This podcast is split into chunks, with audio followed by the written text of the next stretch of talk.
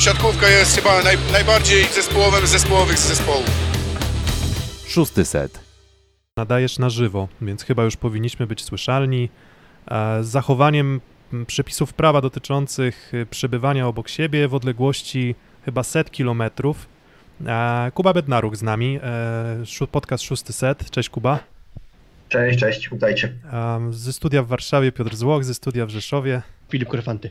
Wszyscy w regulaminowej odległości od siebie. Mandatów y, ryzykować nie, nie będziemy i Kuba Bednaruk, witamy, witam jeszcze raz, e, witam ponownie. Słychać nas, tak, więc już, już mamy informacje z czatu. E, Na start samego tak naszego nagrania, jeżeli będziecie mieli jakieś pytania, to jeżeli wasze pytania wpasują się nam w koncepcję odcinka i pytań i powiedzmy gdzieś tam w dyskusje, które będziemy prowadzić, to na pewno te pytania będziemy gdzieś zadawać. Jeżeli się nie wpasują, to się okaże. Możemy tym właśnie płynnie, płynnie przejść do może pierwszego, pierwszego pytania, czy też pierwszego wątku, który, e, który chciałbym poruszyć. No koronawirus, może jeszcze w chwilę poczekamy z tym tematem, ale zacznę od takiego pytania, czy gdyby w MKS-ie Będzin e, cały sezon zagrał TJ Sanders i Puria Fajazi, to czy MKS Będzin zakończyłby rozgrywki zeszłoroczne na wyższej pozycji? Kuba. Nigdy się tego, nigdy się tego nie dowiemy. W, e, nie, nie wiem. nie wiem, czy być, e, być e, inaczej. Jakby się okazało, że nie jest rozsypany TJ e, tak, jak, tak jak był e, i, i, i Furia przyjechał te trzy tygodnie, znaczy wtedy, kiedy miał przyjechać, to być może byśmy nie mieli tego początku sezonu takiego, jak mieliśmy, ale e, to jest takie zgadywanie, wiesz, no. zaryzykowałeś, nie trafiłeś, znaczy nie trafiłeś. To. Jeżeli miałbym zaryzykować takie transfery, takie nazwiska do klubu będzińskiego, to bym to zrobił jeszcze raz. Bez dwóch zdań. Ale po prostu no, nie wypaliło i tyle. Odnośnie Purify, z jego temat już został na właściwie wszelkie możliwe sposoby przewałkowany w mediach, więc może nie warto tego rozciągać, ale jestem ciekawy jednej rzeczy. Jesteście w kontakcie z TJ Sandersem, bo ostatnio jakieś pogłoski takie bardziej w stylu plotek do mnie doszły, że on kończy karierę. Z TJ-em nie rozmawiałem od, od momentu, kiedy wyjechał. Z, z rozmawiałem z trzy tygodnie temu. Dzwoniłem do niego na WhatsAppie, pytałem się, jak, jak w ogóle u niego życie w Iranie wygląda. Generalnie był przerażony tą sytuacją, która tam jest. E, Z TJ-em być może e, zakończy karierę z tego względu, że te plecy jego, które przyjechał z tą kontuzją tych pleców, to on ma ten problem z, z, z przestrzenią międzyzespołową. a Generalnie jakbyś zbadał większość zawodników, to takie problemy mają. No to jest po prostu stare sportowe porzekadło przez sport do kalectwa. Większość sportowców takie problemy gdzieś w kolanie, kręgosłupie, w barku ma. E, U niego to się nasilało dosyć dużym bólem. E, Był duży problem w pewnym momencie dwa rok temu, e, jak, jak kończył w tym halbanku granie, że, że mu paraliżowało nogę. Więc bał się bardzo mocno, dlatego to był przerażony chłopak w momencie, kiedy go tam zakuło. To nie było tak, że go zakuło i nie mógł chodzić. Po prostu on poczuł w pewnym momencie, że coś się dzieje i, i, i dał sobie spokój. No bał się, chciał grać w tych kwalifikacjach, bo dla niego to było bardzo ważne, żeby w tych tych- się, żeby wyzdrowieć, ale widać, ja, ja, ja myślałem, że on po styczniu gdzie będzie szukał klubu, ale widocznie, widocznie te plecy, te plecy nie pozwalają mu na granie. Okej, a odnośnie jeszcze z początku sezonu w ogóle z MKS-em Będzin, to jest różnorako jest mm, w Polsce postrzegane to, jeżeli klubowi przez kilka spotkań nie idzie, nie zdobywa punktów, nie wygrywa. Niektórzy prezesi mają dużo mniej cierpliwości do trenerów. Pan miał jakiś taki moment zastanawiania się, czy warto dalej tę pracę w Będzinie kontynuować, bo zaczęło się od ośmiu porażek z rzędu. E, Miałem e, doła dużego po chyba Gdańsku u nas, takiego największego doła. I, i takie myśli, e, że, że może ja nie jestem odpowiednią osobą na, na tym miejscu, ale, ale ja naprawdę dostałem duże wsparcie i od zespołu, i od, e, i od prezesa, i od e, ludzi tutaj z i kibiców. To nie jest takie teraz, nie wierzę, że się tutaj gadam, tylko to było naprawdę e, prezes mnie zaprosił na rozmowę, powiedział jedziemy na jednym wózku i jedziemy razem do końca. E, Kibice to samo, to samo, to samo zawodnicy. E, I, I był taki moment, e, kiedy wydawało mi się, że kurde, no, przeanalizowałem, to był naprawdę moim zdaniem najlepszy okres przygotowawczy, jaki zrobiłem. W sensie wszystkich zespołów, jakie miałem. I, fizycznie, i, e, i zebrałem te wszystkie rzeczy, które dobre i złe, które robiłem, wywaliłem, dobre wyciągnąłem. E, Więc ja też, a też nie miałem takiego załamania, bo nie było, nie było takiej sytuacji, żeśmy grali naprawdę było siatkówkę, taką, że wychodzisz, nie możesz na to patrzeć, wymiotujesz patrząc na, na, na, wiesz, na, na nagranie i wracasz do domu, tylko po prostu tu, tu 26, 24, tu 7, wy... ja przypominam, 7 wyjazdów. Mhm. 7 wyjazdów. I to, na, I to nie jest takie tłumaczenie, naprawdę na koniec sezonu zwróćcie uwagę, ta nasza hala to był atut, a myśmy nam wytrącono ten atut na początek, ale masz rację, miałem taki moment po, po Gdańsku, kiedy tam 23 chyba, tam 27-12 wygrywamy przegrywamy, 26-24 przegrywamy sety, wcale nie grając gorzej i mamy 0 punktów. I, i może i to, co się spodziewałem, że może będę wezwany na, na, do, do, do, do prezesa, ale, ale no, miałem takie myśli, krótko przeszło mi. Zadzwonił do mnie praktycznie cały sztab, jak siedziałem wieczorem w domu, pogadaliśmy, w niedzielę pogadaliśmy, w poniedziałek pogadaliśmy już i mi przeszło. Mm, To tak, e, ja tak zwróciłem uwagę na to, że bardzo często mm, od tego, jak wystartujesz sezon, e, zależy tak naprawdę całość tego sezonu. No i w zasadzie czasem na początku urwanie jednego, dwóch, trzech punktów w tych pierwszych początkowych spotkaniach, gdy jesteś, nazwijmy to, underdogiem, e, bardzo pomaga. No tutaj tego, tego rozpędu, mam wrażenie, po prostu zabrakło. A ten mecz z Gdańskiem, gdzieś te, te powiedzmy też sety przegrywane w końcówkach z wysokich przewag, no to to na pewno nie budowało pewności. Jak udało się w ogóle odbudować pewność drużyny? Jak udało się to odwrócić? Jak dużą rolę w tym wszystkim też miał e, Grzegorz Pająk? Eee, przede wszystkim, znaczy tak, da- ja, ja w ogóle zrobiłem błąd prawdopodobnie teraz już jak analizując, jak że ja pająka wsadziłem do szóstki w meczu z Katowicami od razu po tygodniu trenowania. Wydaje mi się, że powinienem teraz na chłodno mówię, z Buczkiem jeszcze zacząć, a przegraliśmy tamten mecz.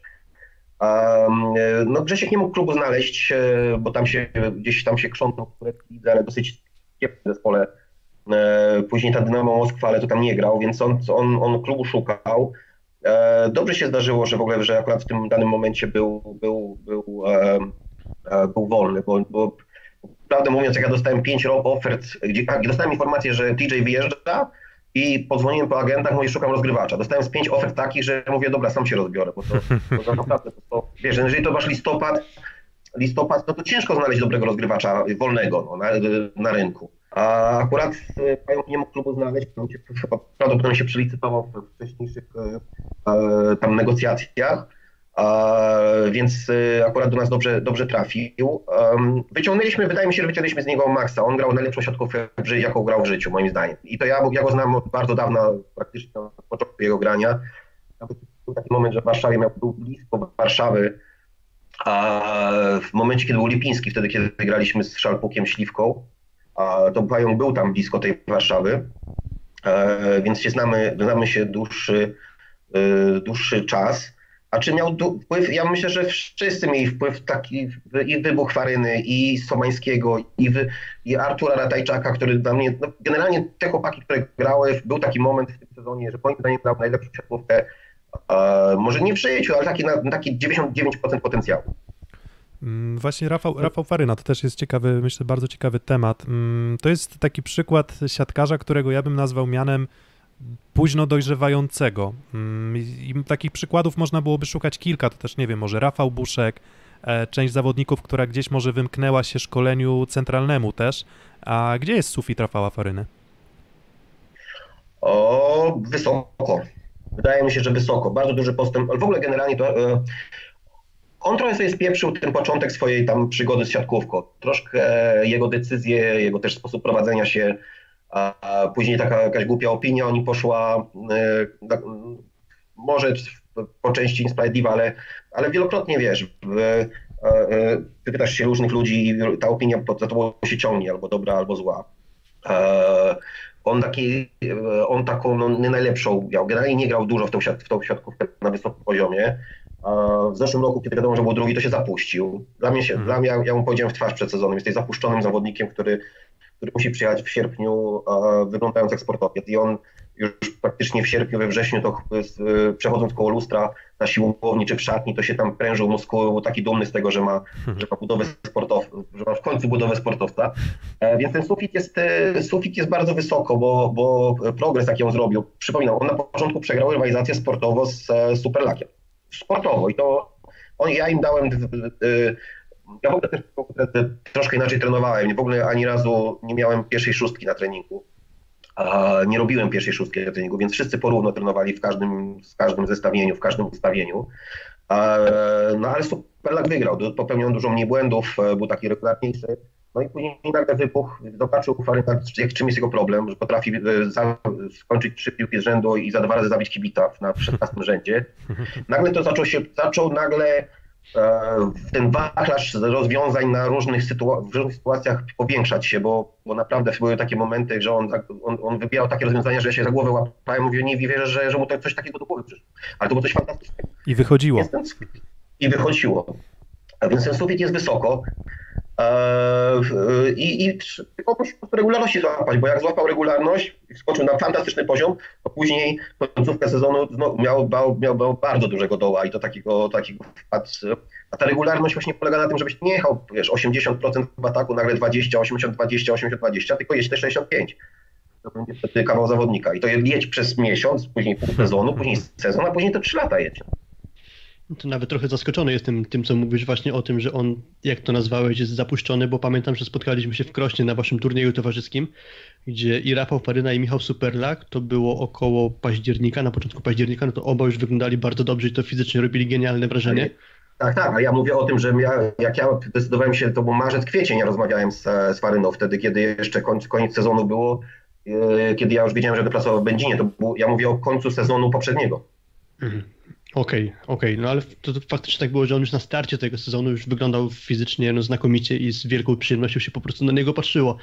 E, a propos statystyk, to pamiętam takie rozmowy gdzieś na przełomie mm, rewanży z fazy zasadniczej, czyli że skończyła się pierwsza runda, były takie podsumowujące statystyki, no to Rafał Faryna nawet w efektywności on przybijał niektórych środkowych w ogóle z tej ligi. Nie, no, były momenty takie, że potrafił ze dwa, trzy mecze nam sam wygrał. Sam, absolutnie e, wszystko, co się działo dobre, to wokół, wokół, wokół, niego. I po prostu e, jak chłopaki zobaczyli, że mają takiego lidera, to sami, sami rośli. Więc, e, I to też na tym, tym też bazował Pająk, bo, bo to też, e, jak miał tylko mały problem, fig do tyłu i problemu nie ma. Mhm. Pytania, E. pytania z czatu może. Um, tutaj właśnie Kuba, Kuba pyta i pojawił się temat y, Davida Sossenheimera, a Dawid Sossenheimer też chyba ten początek, nie wiem czy to właśnie z czego wynikał może taki powolny początek, powolne wejście Davida Sossen- Sossenheimera w naszą ligę, e, bo gdzieś no jednak jest to nazwisko, które przychodziło z dość rozpoznawalnej marki też klubowej. Mm, I czy on potrzebował czasu, żeby dostosować się do, nie wiem, stylu gry w plus ligi, do wyższych wymagań, czy, czy, czy, czy, czy to może była po prostu kwestia tego, że cała drużyna rosła i on z nią, tak jak zresztą pow- wspomniałeś, Kuba? A moim zdaniem troszkę na początku się też odbił trochę od ściany, w, bo wiele rzeczy, wiele, wiele rzeczy, które mu przychodziły z łatwością w lidze niemieckiej i zdobywanie punktów, nagle się okazało tutaj za mało, jest, że tu trzeba wyżej, mocniej, ciaśniej, a, tu, tu, po prostu to trzeba więcej i to jest normalne, to jest normalna reakcja zawodnika, który przychodzi z ligi francuskiej, ligi niemieckiej, do Ligi Polskiej, że często jest tak, że, że na początku nagle taka obitka blockout, która w, w, czy tam jakaś kiweczka, która wchodziła mi w lidze, nagle się okazuje, że po drugiej kiwce wszyscy wiedzą, cała Polska, bo, ponieważ Polska Liga jest bardzo taktyczną, e, taktyczną. Tutaj, tutaj jesteś szybko, szybko rozpisywany i szybko znajdowany na, co- na, na, na ciebie są różne rozwiązania, więc on się na początku troszkę się odbił troszkę i to jest taka normalna reakcja, bo jak przychodzisz, ja miałem paru chłopaków, którzy, którzy pierwszy, pierwszy raz e, pracowali w e, Plus Lidze, że e, nagle o kurde, to, to mi to zawsze wychodziło, zawsze to tutaj zawsze wchodziło, a tutaj nie, nie, nie idzie i tak no i później z biegiem czasu e, troszkę też mocy nabrał, bo trochę na początku zabrakło, moim zdaniem troszkę brakowało mu tego, tego, tego uderzenia, no bo wiesz, no nie wszystko możesz grać na technice, no nie możesz grać wszystko na, na plasie, na obitę, to musisz, musisz też przyłożyć tutaj. E, I musiał się troszkę przyzwyczaić do tej ligi. Troszkę mieliśmy na początku z nim troszkę też te- te- takich problemów. E, nie mógł się za bardzo odnaleźć do końca, ale, ale jak się przełamał, to teraz jeszcze dzisiaj nawet z nim pogadałem, pośmialiśmy się troszkę i bardzo fajnie. Jak, to nawet trochę widać skąd on przychodził. W VB Friedrichshafen grał on w szóstce, Protopsaltis i Bołądź. Żaden z nich to nie są takie kafary jak Rafał Faryna i trochę ta filozofia Vitala Heinena tam mocno się na tym Friedrichshafen odcisnęła i chyba przez to być może, ja tak przynajmniej przypuszczam, że może stąd tyle czasu zajęło mu na przestawienie się na grę w trochę innej lidze. taki, znaczy, słuchaj, no Vital miał tak, dobrał sobie taki zespół, taką ligę, za, takie pieniądze, jakie miał. Później się, później wiesz, wiedział o tym, że tych pieniędzy będzie jeszcze mniej, bo Friedrichshafen po, po, odejściu Vitala to jeszcze, jeszcze popchnął, więc Vital wiedział, że to się, coś tam się źle dzieje, więc odszedł. E, e, generalnie ciężko, wiesz, patrz ilu chłopaków tam na, na bazie Ligi Francuskiej, przychodzą gwiazdy Ligi Francuskiej, nagle, no nie zawsze, no, nie zawsze, no, albo początek kiepski, no, jest to liga cholernie ciężka i cholernie wymagająca i, i to, i wszyscy to wiedzą, ale często musisz to ryzykować, bo, no bo, słuchaj, no, trzy, trzy transfery obcokrajowców, podstawowy rozgrywający kadry Kanady, podstawowy przyjmujący kadry e, Iranu i czwart, piąty, czwarty, piąty przyjmujący kadry Niemiec. Teoretycznie trzy bardzo dobre transfery, teoretycznie. Mhm. A nie, nie do końca wszystko się to udało. No tak, no na, na pewniaków do gry o najwyższe cele stać tych, którzy mają budżety stopu. No wszyscy, tak w zasadzie każda drużyna, powiedzmy od piątego miejsca w dół, mniej lub bardziej musi rzeźbić. Teraz też chwalimy Gdańsk, tak, ale było tam też sporo niewiadomych e, przedsezonowych i i trochę, trochę taka, trochę taka rola, mm, rola, jeżeli chodzi o sklejanie tych składów z, z zawodników y, z niższych lig. Mm, no to tak podsumowując, pamiętam gdzieś przed sezonem, utkwiło mi to w pamięci 40% punktów możliwych do zdobycia. To to był gdzieś tam cel, jaki kojarzę, że, że postawiłeś drużynie. Finalnie okazało się, że było blisko. No i teraz, czy gdyby ten sezon potrwał jeszcze te kilka kolejek dłużej, runda zasadnicza, no to to, to byłoby blisko playoffów, czy, czy playoffy to jednak był taki może wisienka na torcie, która mogła się udać, ale, ale, ale jednak gdzieś racjonalnie, twardo stąpając po ziemi było po prostu trudno. E, trudno to było, bo racjonalnie stąpając po ziemi było trudno.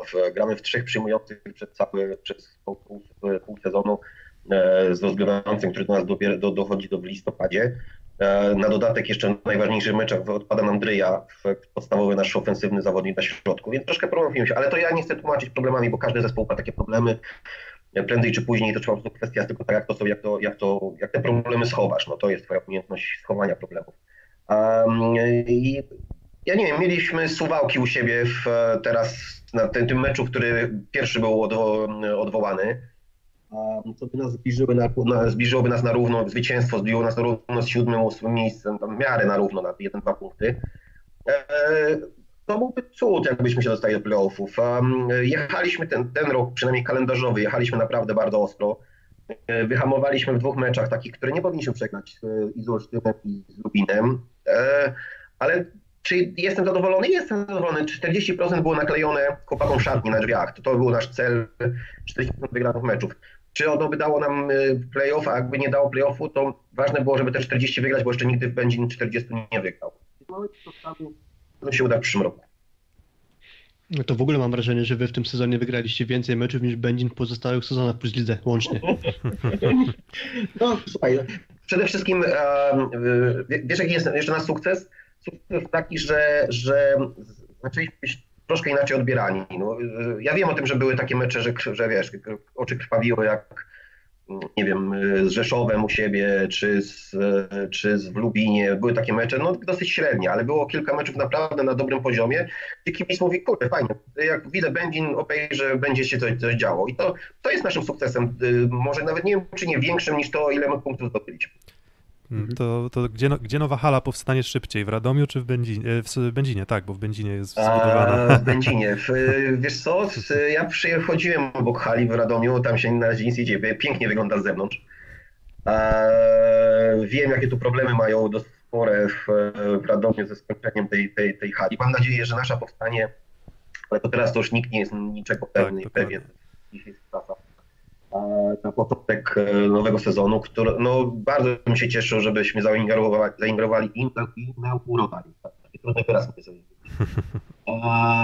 W, na, tej nowej, na tej nowej hali, mam, ale chyba mam takie wrażenie, że może być, może być szybciej. Może być szybciej. No i ciekawe, ciekawe jak się, jak, jak ta hala, czy ona dalej będzie tak dużym atutem, bo, bo to w ogóle pierwszy raz w tym sezonie byłem na meczu akurat właśnie, AZS Olsztyn, z, pierwszy raz byłem w Sosnowcu e, na hali i muszę przyznać, że to oświetlenie faktycznie jest bardzo specyficzne. Nie było tam planów, żeby odtworzyć może ten układ świateł na nowej hali? Architekt chyba zostałby zamordowany, bo ja, jak w ogóle, tak budow- budować sufit y, w hali sportowej, gdzie też niezłym. Ale w, te, no wiadomo, że te światła były naszą tutaj. Wiadomo, że, że, że i kibice, i tam fajna atmosfera się robiła na, na, na meczu, tam, tam, tam było głośno. A wiadomo, że te światła, zawodnicy, którzy serwowali ze środka boiska, uciekali na boki, bo, bo, bo nie chcieli podrzucać sobie piłki na te światła, a myśmy się już przyzwyczaili, i część zawodników u nas e, e, podrzucała. Myśmy na przykład jak analizowali przeciwnika, to wiedzieliśmy o tym, kto, masz swoje ulubione miejsca, skąd wyserwujesz, a wiedzieliśmy o tym, że na przykład jeżeli jesteś blisko świateł, to, to, to, to będziesz zmieniał to miejsce, bo przeciwnik Mhm. nie, nie podrzuci sobie po prostu lampy. A wiadomo, był to nasz atut, ale nie wiem, zobaczymy, jak to będzie dalej wyglądało. Jak ta hala, z tego co widziałem, jakieś tam projekty, to coś zbliżonego, zbliżonego chyba bardziej do Legionowa, Bełchatowa, coś takiego, na dwóch stronach typu nawet. Mhm. Ta hala tradycyjna, nie, nie, w, nie w kółko. Powstanie hali to jest jedna sprawa, teraz jeszcze będzie pojawi się pewnego rodzaju trudność w postaci wypełnienia tej hali. Jest tam potencjał, żeby tyle ludzi zgromadzić? Hala jest w centrum Będzina. Nie wiem, jak to będzie wyglądało. Na pewno mieszkańcy Będzina, znaczy mieszkańcy Sosnowca przyjadą do nas, bo to, bo to wiesz, no, tam jest rzut beretem, w, w, czy Czeladzi, czy, czy Dąbrowy. Um, hala, jest przy, hala jest praktycznie w samym centrum Będzina, więc na piechotkę będziesz mógł sobie przyjść. Jeżeli będzie na 2,5 tysiąca ludzi i będziemy grać jak w tym setym roku, to mam nadzieję, że zapełnimy. Okej, super. Mm, No to tak, pytania, pytania z czatu. Um, tak zastanawiam się, które, które najciekawsze. To, no dobra, ostatnie Ja pytanie. sobie już kilka zanotowałem, więc wrócimy do Okej. nich w odpowiednim czasie, tak mi się Okej, wydaje. No dobra, dobra. A, Chyba, że któreś pytanie ci Piotrek e, spodobało już na teraz. mm, Mi się spodobało, mi się spodobało jedno, bo wszedłem, że Jack Crosby pisze, Bednaruk to pijak. Czy to było pytanie? I pijak i złodziej, bo każdy pijak to złodziej. Dokładnie. Kto nie pije, kto nie pije ten kapuje, no. Myśl, myśl tej zasady. Mm, dobra, czy właśnie, czy, czy skoro jest już po sezonie, to czy trener Bednaruk rozmawiał z GKS-em Katowice przed, przed startem poprzedniego sezonu? Zakładam. A, przed startem poprzedniego? Tak, tak, dokładnie, czyli, czyli powiedzmy, A, tak, tak. e, Było pytanie, ale to było pytanie dzień po tym, jak podałem sobie rękę z prezesem Będzina. Nie miałem jeszcze umowy podpisanej, ale, ale podaliśmy sobie rękę i, i powiedziałem, że, że już dla mnie że podanie ręki jest, jest, jest podpisaniem umowy. Okej, no to Mati, Mati, odpowiedź, odpowiedź uzyskałeś e, szczerą. Mm, No dobra, no to tak w perspektywie tego, tego poprzedniego sezonu mm, wydaje mi się, że, że, że ten temat gdzieś już mamy obgrany, no ale wszyscy zastanawiają się nad tym kolejnym sezonem. Mm, No i ty też e, na Twitterze pisałeś, Kuba, że oczekujesz, czy oczekujesz, czy chciałbyś usłyszeć nieco więcej konkretów na temat tego, jak w ogóle chcemy, chcemy rozwiązać kwestię, czy tam, nie wiem, czy może limit obcokrajowców ograniczyć jednak do dwóch zamiast do trzech, a czy, Albo znieść, albo znieść limit obcokrajowców. Wtedy albo- w tym momencie grajmy sześcioma, sześcioma obcokrajowcami, ale płacimy bardzo niskie kontrakty a, i spadają kontrakty. Ja nie wiem, nie chodzi mi o to, wiesz, to nie chodzi mi o ten pomysł, jaki jest, czy on jest dobry, czy znieść obcokrajowców. Ja uważam, że dobrym pomysłem byłoby zaproszenie Lublina, Nysy i Bielska do Ekstraklasy i zagrania długiego sezonu od września do kwietnia przyszłego roku, czy maja, z, bez spadków po to, żeby się nie zażynać, nie, nie licytować. No to też mógł być pomysł na to. Słuchajcie, przyszły rok to będzie, przed, to będzie walka o przetrwanie, to nie będzie walka o mistrzostwo. Mistrzostwo to będzie walczyło dwa, trzy kluby, a reszta będzie walczyła o przetrwanie. Więc tutaj chodzi mi o ruchy takie, które pomogą przetrwać ten sezon przyszły. I myślę, że główną ideą, jaką, jaka powinna przyświecać klubom, jest to, żeby ograniczyć wydatki klubów. No słuchaj, w siatkówce, to sam dobrze wiesz, w siatkówce 75-80% kosztów to są e, pensje zawodnicze. A w, gdzieś widziałem, ktoś robił, ktoś robił e, to motor, No, gdzieś ktoś miał 110% w ogóle jakiś klub a, budżetu wydatki za zawodników. Ale w siatkówce masz, no powiedzmy około 80%, reszta to są koszty twoje. E, e, wiadomo, liga niemiecka czy angielska to masz tam z 50%, ko- to, są, to, to są molochy, mówimy o, o klubach, które zatrudniają setki ludzi. Główny wydatek to jest twój to, jest, to są pensje zawodników. No i teraz pytanie jest takie, no jeżeli e, załóżmy, no ja nie wiem, ja to, to strzelmy, że w, w, w zeszłym roku w polskiej lidze było 70 milionów, powiedzmy, plus minus. Ja mówię o wszystkich zespołach plus ligowych. Mhm. Jak w przyszłym sezonie będzie 40, to powinniśmy się cieszyć. No i teraz kwestia jest taka, co zrobić z tymi 40 e, i, w, i jak przetrwać to, żebyśmy wrócili na poziom 70 w- sezonie e, 21-22. A, um, Po to, żeby nie zarżnąć żadnego klubu pod tytułem e, w grudniu się rozpadamy i, i, i, i, leżymy, bo nie mamy już pens na, na, na pensję. E, Kwestia renegocjacji starych umów, bo to też będzie ciekawa sprawa, gdzie walka agentów z prezesami. E, więc ja, nie chodzi o to, żebyśmy przemyśleli, jak pomóc wszystkim, żebyśmy spotkali się w, w tym samym czasie 6 kwietnia, ale 2021 roku i powiedzieli sobie, że żaden klub nie zbankrutował. Większa liga to więcej meczów o nic. Opinia z czatu też.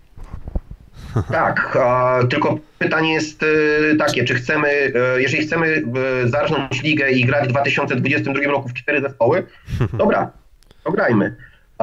Tylko ja jeszcze jedną rzecz przypomnę. W przyszłym roku nie ma żadnej imprezy takiej wielkiej, więc igrzyska będą latem. Nawet na 16 zespołów możemy grać, w, od, zacząć od września i grać sobota, sobota. Y,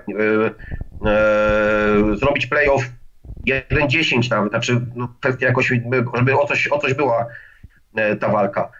Przyszły rok będzie naprawdę bardzo ciężki do przetrwania e, i, i w, mniej bym się zajmował tym e, y, dwa, trzy mecze w miesiącu w te, nie będzie w telewizji albo będą i nie będą najlepszej jakości, niż to, żebyśmy w, w przyszłym roku się spotkali e, i, i, i część klubów nie padła, bo naprawdę jest spore ryzyko, że część klubów po prostu padnie. I, I te część klubów, które w lidze by się pojawiło, musiałoby zapełnić swoje kadry chociażby pierwszoligowcami, którzy jak sądzę mają trochę mniejsze koszty utrzymania aniżeli, aniżeli starzy wyjadacze plus ligowi. To jest To prawda, taka jest sprawa. taka, że, prawda jest taka, że em, możliwości Bielska, Lublina i innych wcale nie są takie małe, więc e, e, miały mniejsze w, w Bydgoszczy i w Warszawie. Mm, to właśnie jak I Filip dodatkowe mecze to jeszcze wpływy z biletów dodatkowe. Może nie akurat w siatkówce jakaś znacząca kwota, ale jakaś na pewno. A może 10 nazwisk chłopaków z pierwszej ligi, którzy by nie mieli szansy gdzieś tam się przebić. Chyba. Nie wiem, ja, ja tylko strzelam. Ja nie mówię, że to jest, e, że to jest e, jakiś sposób, ale mówię o tym, że e, coś trzeba zrobić, żeby ten przyszły rok po prostu przetrwać. Mhm. Bo właściwie cała ta dyskusja o tym zaczęła się od tego, jak przeczytałem twojego tweeta, gdzie napisałeś, że obok propozycji obniżenia kontraktów chciałbyś usłyszeć plan ratowania przyszłego sezonu. I właśnie w kuluarach, gdzieś wewnątrz, chociażby wy jako MKS Będzin dostaliście jakąś konkretną wskazówkę od klubu, że my wam pomożemy w taki sposób? W ogóle jakieś dyskusje się zaczęły, jak to Nie. wszystko ratować, czy na razie wszystko stoi w miejscu? Stoi w miejscu. Na razie wszystko, nic nie wiemy, żeby jakaś była jak, jakaś sp- sposób e, pomocy, znaczy pomocy, rozwiązań. Na razie wydaje mi się, że wszyscy czekają e, na ruchy spółek Skarbu Państwa, na ruchy samorządów, które same nie wiedzą, co zrobią.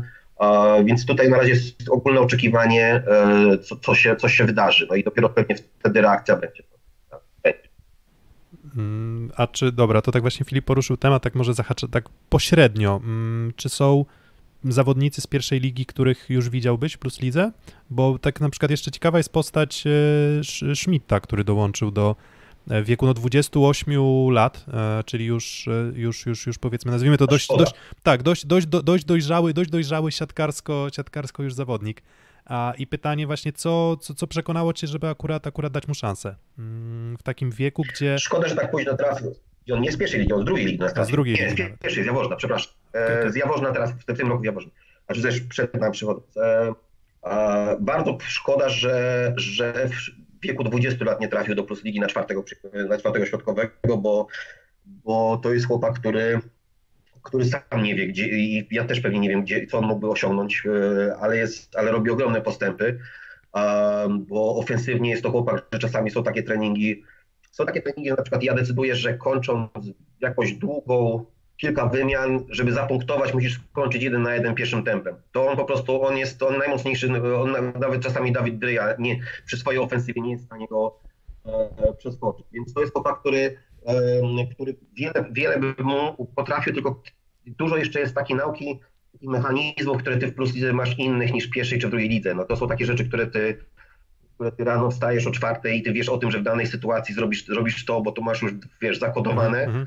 a tutaj po prostu trzeba trzeba troszkę dłużej. Ale ja też miałem taki spokój walczykiem, przecież to wyciągałem was z Ostrołęki, jak do Warszawy czegoś. e, To też e, przez pierwsze pół, pół roku, a wtedy jeszcze nie było 14, tylko 12 zawodników w kadrze meczowej i on czasami lądował na trybunach jako, jako najlepszy środkowy ligi, pierwszej ligi, więc e, dopiero żeby się przestawić. Później po sezonie przed do niej mówi faktycznie, przeskok, nawet jeżeli jesteś kozakiem w pierwszej lidze, i trzepiesz tych punktów i jesteś najgroźniejszy na, na swojej pozycji, to tutaj czasami się po prostu odbijasz od ściany. No i, i to trzeba po prostu wiele rzeczy prze, prze, przetrawić, e, przegrać i żeby się pewne rzeczy nauczyć. Ale e, ja widzę paru chłopaków z pierwszej ligi, nawet może zobaczycie, kogoś w Będzinie może kiedyś. Może, może. Przypuszczam, że jakiś atakujący, ale, ale nic mi nie wiadomo. Ja nie wiem, nie wiem, nie znam się. A, to widocznie prezes ustala skład w Będzinie. Nie, oczywiście. Sponsor, sponsorzy, sponsorzy. Sponsorzy. Okej, oczywiście tytułem żartu, a jeszcze wracając odnośnie tej pierwszej ligi, co w takim razie jest barierą dla takiego zawodnika, że on musi funkcjonować w realiach pierwszej ligi i nie ma tam czegoś, co ma w plus lidze? Problemem są może trenerzy, czy może klasa przeciwnika? Że nie masz takich wymagań wobec niego. Nie, to ja nie sądzę, że to trenerzy, bo, bo e, czy Krzysiek Stelmach, czy, czy Ku- czy Kubacki, czy tam, czy są trenerzy w pierwszej lidze, którzy naprawdę fajną, dobrą robotę robią.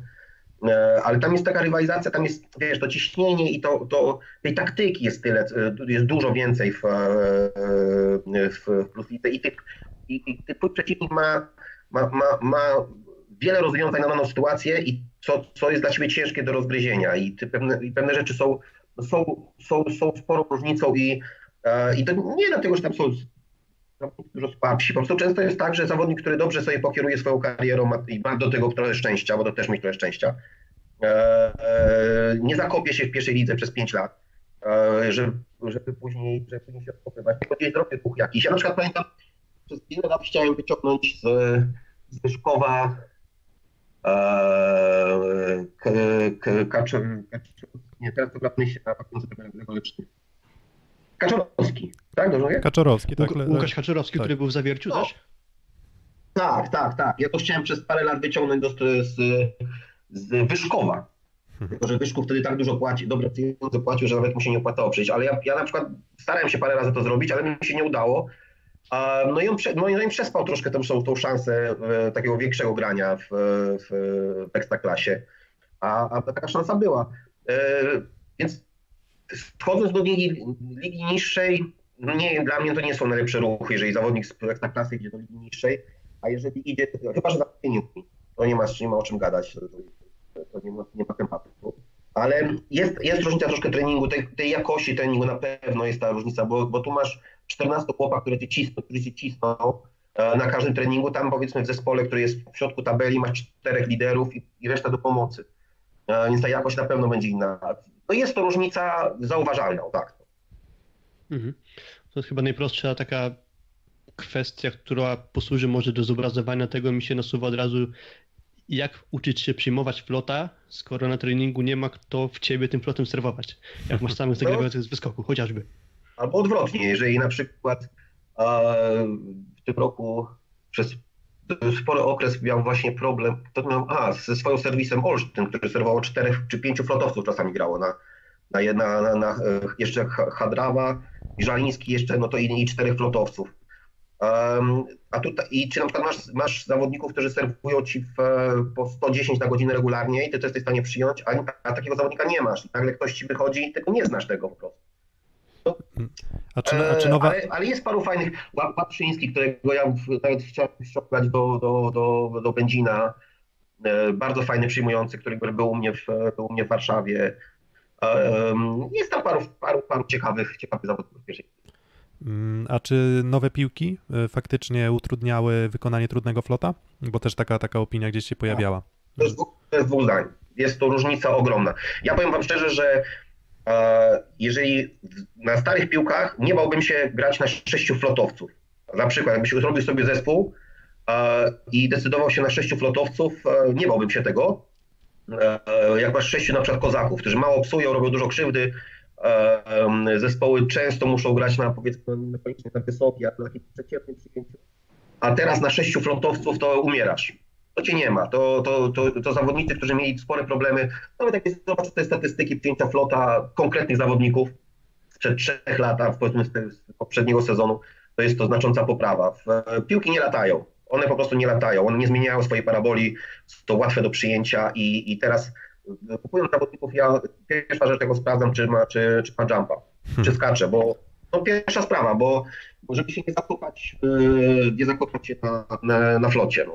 Jest, to, jest to bardzo duża różnica. Naprawdę nie spodziewałem się, bo na początku wydawało mi się, jeszcze jak te piłki nas przyszły na pierwsze treningi, wydawało się, że one normalnie latają, ale później to była spora, spora różnica. Ale to zwróciłem uwagę, nawet e, wspomniany przez ciebie Olsztyn. E, No to Andringa wzmocnił, e, Poręba wzmocnił, Sejed próbował z wyskoku, więc w pewnym momencie Castellani też przyszedł i po prostu dał może łatwą dyspozycję, no jednak ryzyko jest potrzebne większe, bo taka jest... Castellani zrobił coś, tak, Castellani zrobił jeszcze coś innego. Castellani zaczął bardzo mocno taktycznie grać z dużą ilością skrótów.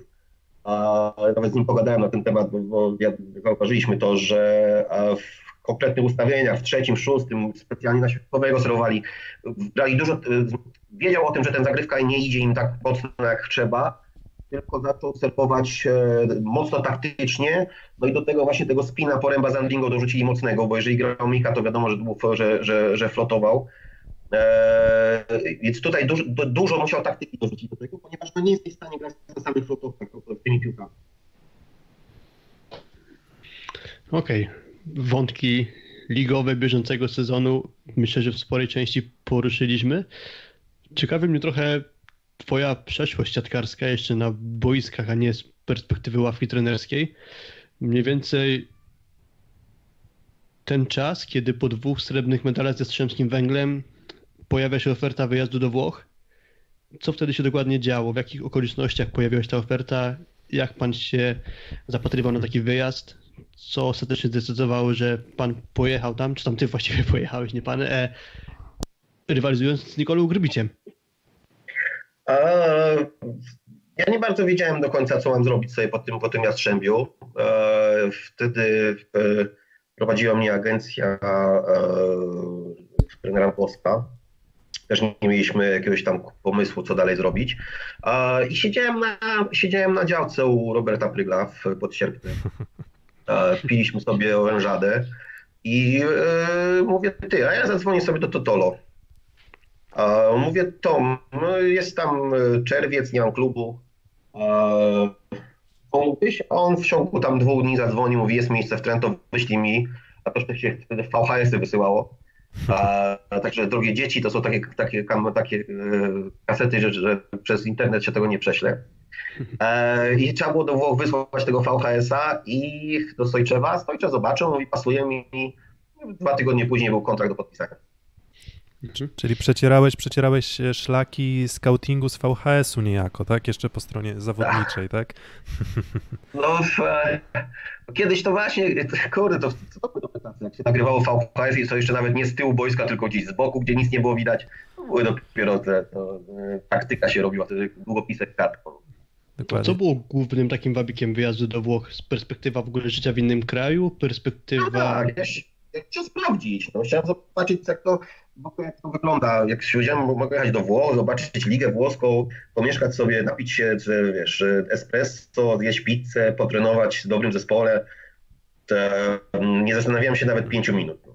Czy włoska Mhm. pizza jest lepsza niż w Polsce? Wtedy była spora różnica.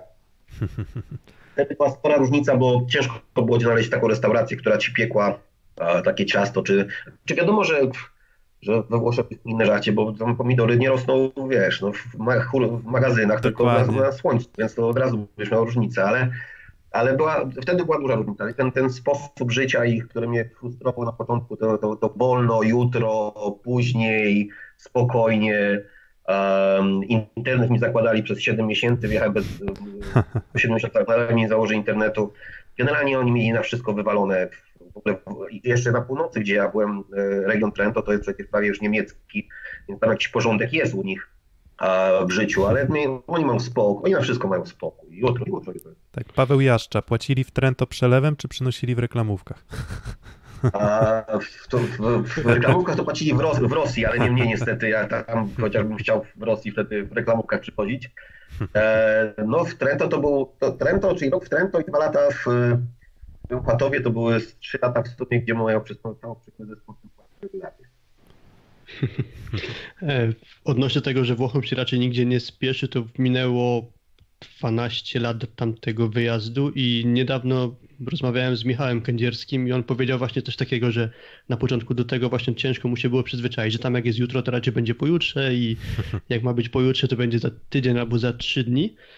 Ale tutaj odnośnie tej rozmowy z Michałem Kędzierskim przypomina mi się jedna rzecz. On powiedział coś takiego, na pewno poprawiła się moja pewność siebie i nabrałem kolokwialnie mówiąc ogarnięcia. Musiałem sobie zor- zorganizować i zaplanować samodzielnie wiele rzeczy, które w Polsce działy się jakoś poza mną.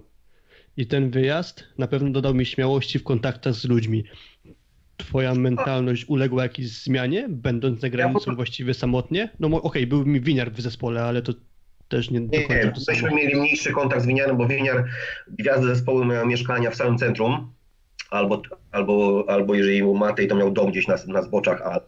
A, a myśmy, ta druga szóstka mieszkała w tak, na takich peryferiach, gdzie ciężko było dostać się nawet do centrum, przy autostradzie, przy wylocie z autos, na autostradę. Um, nie, i- czy akurat Kędzior to wiadomo, że to jest chłopak, który, który potrzebuje takiego, takiego bodźca, żeby, żeby troszkę być takim skurwysypkiem, e, i szczególnie na boisku. Ja tego nigdy nie potrzebowałem jakoś e, szukać pewności siebie, bo akurat chyba tego mniej, tutaj mniej brakowało. E, Ale nie, ja, ja, ja, po prostu może inaczej zobaczyłem, jak wygląda troszkę inny sposób treningu. E, Jak, e, wtedy, wtedy, teraz to nie ma różnicy. Ja uważam, że jak przyjdziesz na trening do Będzina i przyjdziesz na trening do, do czy Będzina, Radomia, Bełchatowa, Gdańska, e, to będziesz miał podobny trening, jak masz w, w, w klubach włoskich. E, Kwestia tylko jakości zawodników, więc tutaj różnicy dużo nie ma. Trening fizyczny, który wtedy dużo zgady, nie było trenera przygotowania fizycznego w Polsce wtedy, żadnego, albo, albo było zgadywanie. Więc ja się wtedy akurat, wtedy byłem, zobaczyłem na te, w tym czasie coś, z czego myśmy nie mieli. A teraz to też jest pamiętaj o tym, że Kędzier mieszkał gdzieś tam na południu w e, Włoch, to w ogóle to już jest poniżej, poniżej Rzymu, to już prawie Afryka jest, więc tam e, jeszcze, jeszcze, tam jeszcze, ja jeszcze na, na, tam wiesz, wy, wy- wysokość Mediolanu, Trento czy tam Polzano, to są, to są takie mocno austriackie, niemieckie klimaty, a poniżej Rzymu to tam już naprawdę musi być rzeźnia. Tak, no właśnie Kuba, Kuba Lewandowski, nasz trzeci, e, właśnie trze- trzecia, trzeci współprowadzący jest właśnie miłośnikiem Włoch i on właśnie wspomina o tym, że, że tam taki Mediolan to właśnie bardziej, bardziej Szwajcarzy, bardziej Niemcy nawet niż, niż południowcy, tak, że, że kocioł, to się, kocioł to się w Neapolu robi. E, Nie, to tam jak niż... zjeżdżaliśmy na mecze tam Taranto, Corelliano, no to tam w ogóle w Corelliano to pamiętam nie, w, to, jest, to, to, był zespół, który jest na wysokości obcasu tego buda włoskiego, czyli tam w ogóle generalnie wygwizdów. E, Tam nie było okien w, w szybach w- na hali, tam po prostu było, graliśmy w styczniu, a tam pomarańcze na, na drzewach. E, Tam to, to, tam wygwi, wygwizdów, nie? Wygwizdów już taki, ale oczywiście już na wysokości powyżej wszystko Rzymu, no to jest naprawdę klasa. Paweł jeszcze napisał, że w Neapolu ronda robili ze śmieci. Nie, to tam, tam, e, tam Latina, to, tam, to, pod, to pod Rzymem, to też takie miejsca, gdzie, gdzie się, myśmy wieczorem, wiesz, bo wszystko po, do, do Rzymu i poniżej Rzymu lataliśmy samolotami na meczach, więc e, wieczorami, lataliśmy zawsze dzień po, wracaliśmy dzień po meczu, wieczorami wychodziliśmy na miasto, to tam no, masakra, no, dramat. Mm, To czy... czy... Wspomniany- Dobra, to... Wspomniany Kuba Lewandowski przed chwilą właśnie zapytał, czy nie uważasz, y, Kuba, czy e, język włoski jest prostszy do nauki niż angielski z uwagi na to, że jest podobny do polskiego? Nie wiem, no, czy, czy e, bardziej podobno do polskiego uważam, że jest najprostszym językiem, jaki ja się operuję. Myślę, że rosyjski jest trudniejszym językiem. A chociaż dla mnie akurat, jeżeli ja miałem tam w szkole w 5-3 lata w podstawówce, 4 liceum, więc to rosyjski może inaczej, ale, ale tymi językami, które ja rozumiem, czyli tam niemiecki, angielski, włoski, rosyjski, to jest najprostszy. A, jeszcze w ogóle siatkarski, a włoski. Ja już nie mówię o włoskim takim, żeby się posił- posługiwać się w życiu, ale mówię o takim, że przychodzisz na trening i mówisz, co, to, to nie ma prostszego, e, nie ma prostszego języka. Dokładnie, Ja Se- czasami sobie serwicio, tłumaczę atako, muro. arty- artykuły z języka włoskiego, to mam wrażenie, że co drugie słowo to jakoś mi tak brzmi, że od razu wiadomo, co to znaczy. Mimo, że jak kompletnie jest podobny do polskiego. Jak słuchasz czasów e, Anastaziego, to tam też jest cały czas Cazzo, więc e, też się można nauczyć. Albo E, jak mówił chyba Castellani często, prima bomba. Nie, Tu też od razu wiadomo o co chodzi, nie? tak, Prima, Castellani nigdy nie przeklina, bo to jest, to jest, to jest, taka, to jest taki ele- elegancki trener. A czy, czy, czy Kuba Bednaruk, zawodnik rozgrywający w Trentino, już czerpał z Radostina Stojczewa jako trener? E, Ja na początku chciałem go zabić tak przez pierwsze trzy trzy miesiące, bo to, jest, to był bardzo trudny facet. To w ogóle jest trudny człowiek e, do współpracy. To nie jest taka, to jest, to, to jest człowiek e, e, dosyć ciężki. Jeszcze jego pierwszy rok on tam chciał bardzo mocno pokazać, kto jest, kto jest szefem w całym klubie. Um, nie, za- nie, często takich dochodziło do, do, do, do spinek między nim, lekarzem, tam Nikolą, generalnie to, to jest najważniejszy. Ale, ale to świetny trener na pewno. Ale ja nie, nie z niego z niego tylko y, zaczerpnąłem jedne, jedną rzecz. Jeżeli jakiś zawodnik przegina pałę, to, to jego, jego kara mi się strasznie podobała. Karał wszystkich poza tym zawodnikiem, który, który popełnił, coś zrobił złego. Znaczy nie chodzi o popełnienie błędów siatkówce, ale na przykład przegięcie pały, ogólnie takie przegięcie pały Takie treningu. dyscyplinarne, tak nazwijmy. dyscyplinarne, to, to cały zespół karany bieganiem, czy, a, a ten, który to zawinił, a miał stać i liczyć e, na przykład okrążenia. Nie? Okej. A, Parę razy biegaliśmy tego. Ja w ogóle nie uważam, że to taka szkoła bułgarsko-rosyjska, na przykład bieganie po schodach za karę, bo, bo zawodnik coś tam zrobił. On to, on to stosował. E, takiego, taką, takie bardzo militarne podejście, wiesz, oficerskie do, do, do i, i myśmy to biegali. E, a najczęściej to przeginał pałę w Lado Nikołow, to przez niego biegaliśmy dużo i taki kar dużo dostawaliśmy. E, A on- a on liczył. Ale to mi się podobało to, że ja nie, nie mówię o jakości, bo ja nie każę biegać zawodnikom, ale na przykład jeżeli zrobisz 10 pompek, a ten, który liczy, tak zawinił, a liczy te pompki, ja później mówię po meczu, po treningu mówię, ja, ja nie chcę się wtrącać, ja to sprawę sobie załatwię w szatni poza mną. Tak. Mhm. Czyli raczej, raczej w, w, nadzieja w presję grupową, tak? Że sami będą się trochę kontrolować, No, ale, tak? Ale bardzo doceniam, bardzo cenię e, Rado, to jest naprawdę świetny, świetny trener, um, ale y, ciężko mi by było przy mojej otwartości takiego ludzi a, i tak ja, ja zakładam, że ludzie są dobrzy z założenia. Ciężko było mi tak stosować te metody, które on stosuje, ale każdy ma swój sposób z trenerów, swój sposób do, do, na, na osiągnięcie sukcesu. Tych, co ja poznałem, poznałem czy trenowałem z nimi, czy widziałem ich pracę, czyli tych naj, naj, naj, największych trenerów światowych obecnie, każdy jest inny. Mm. To odnośnie takiego grupowego karania, to przypuszczalnie będąc jeszcze w szatni Jastrzębskiej, w której pan funkcjonował, to raczej nie byłoby dobrze odbierane, że Plamen Konstantinów sobie jarał fajki pod prysznicem?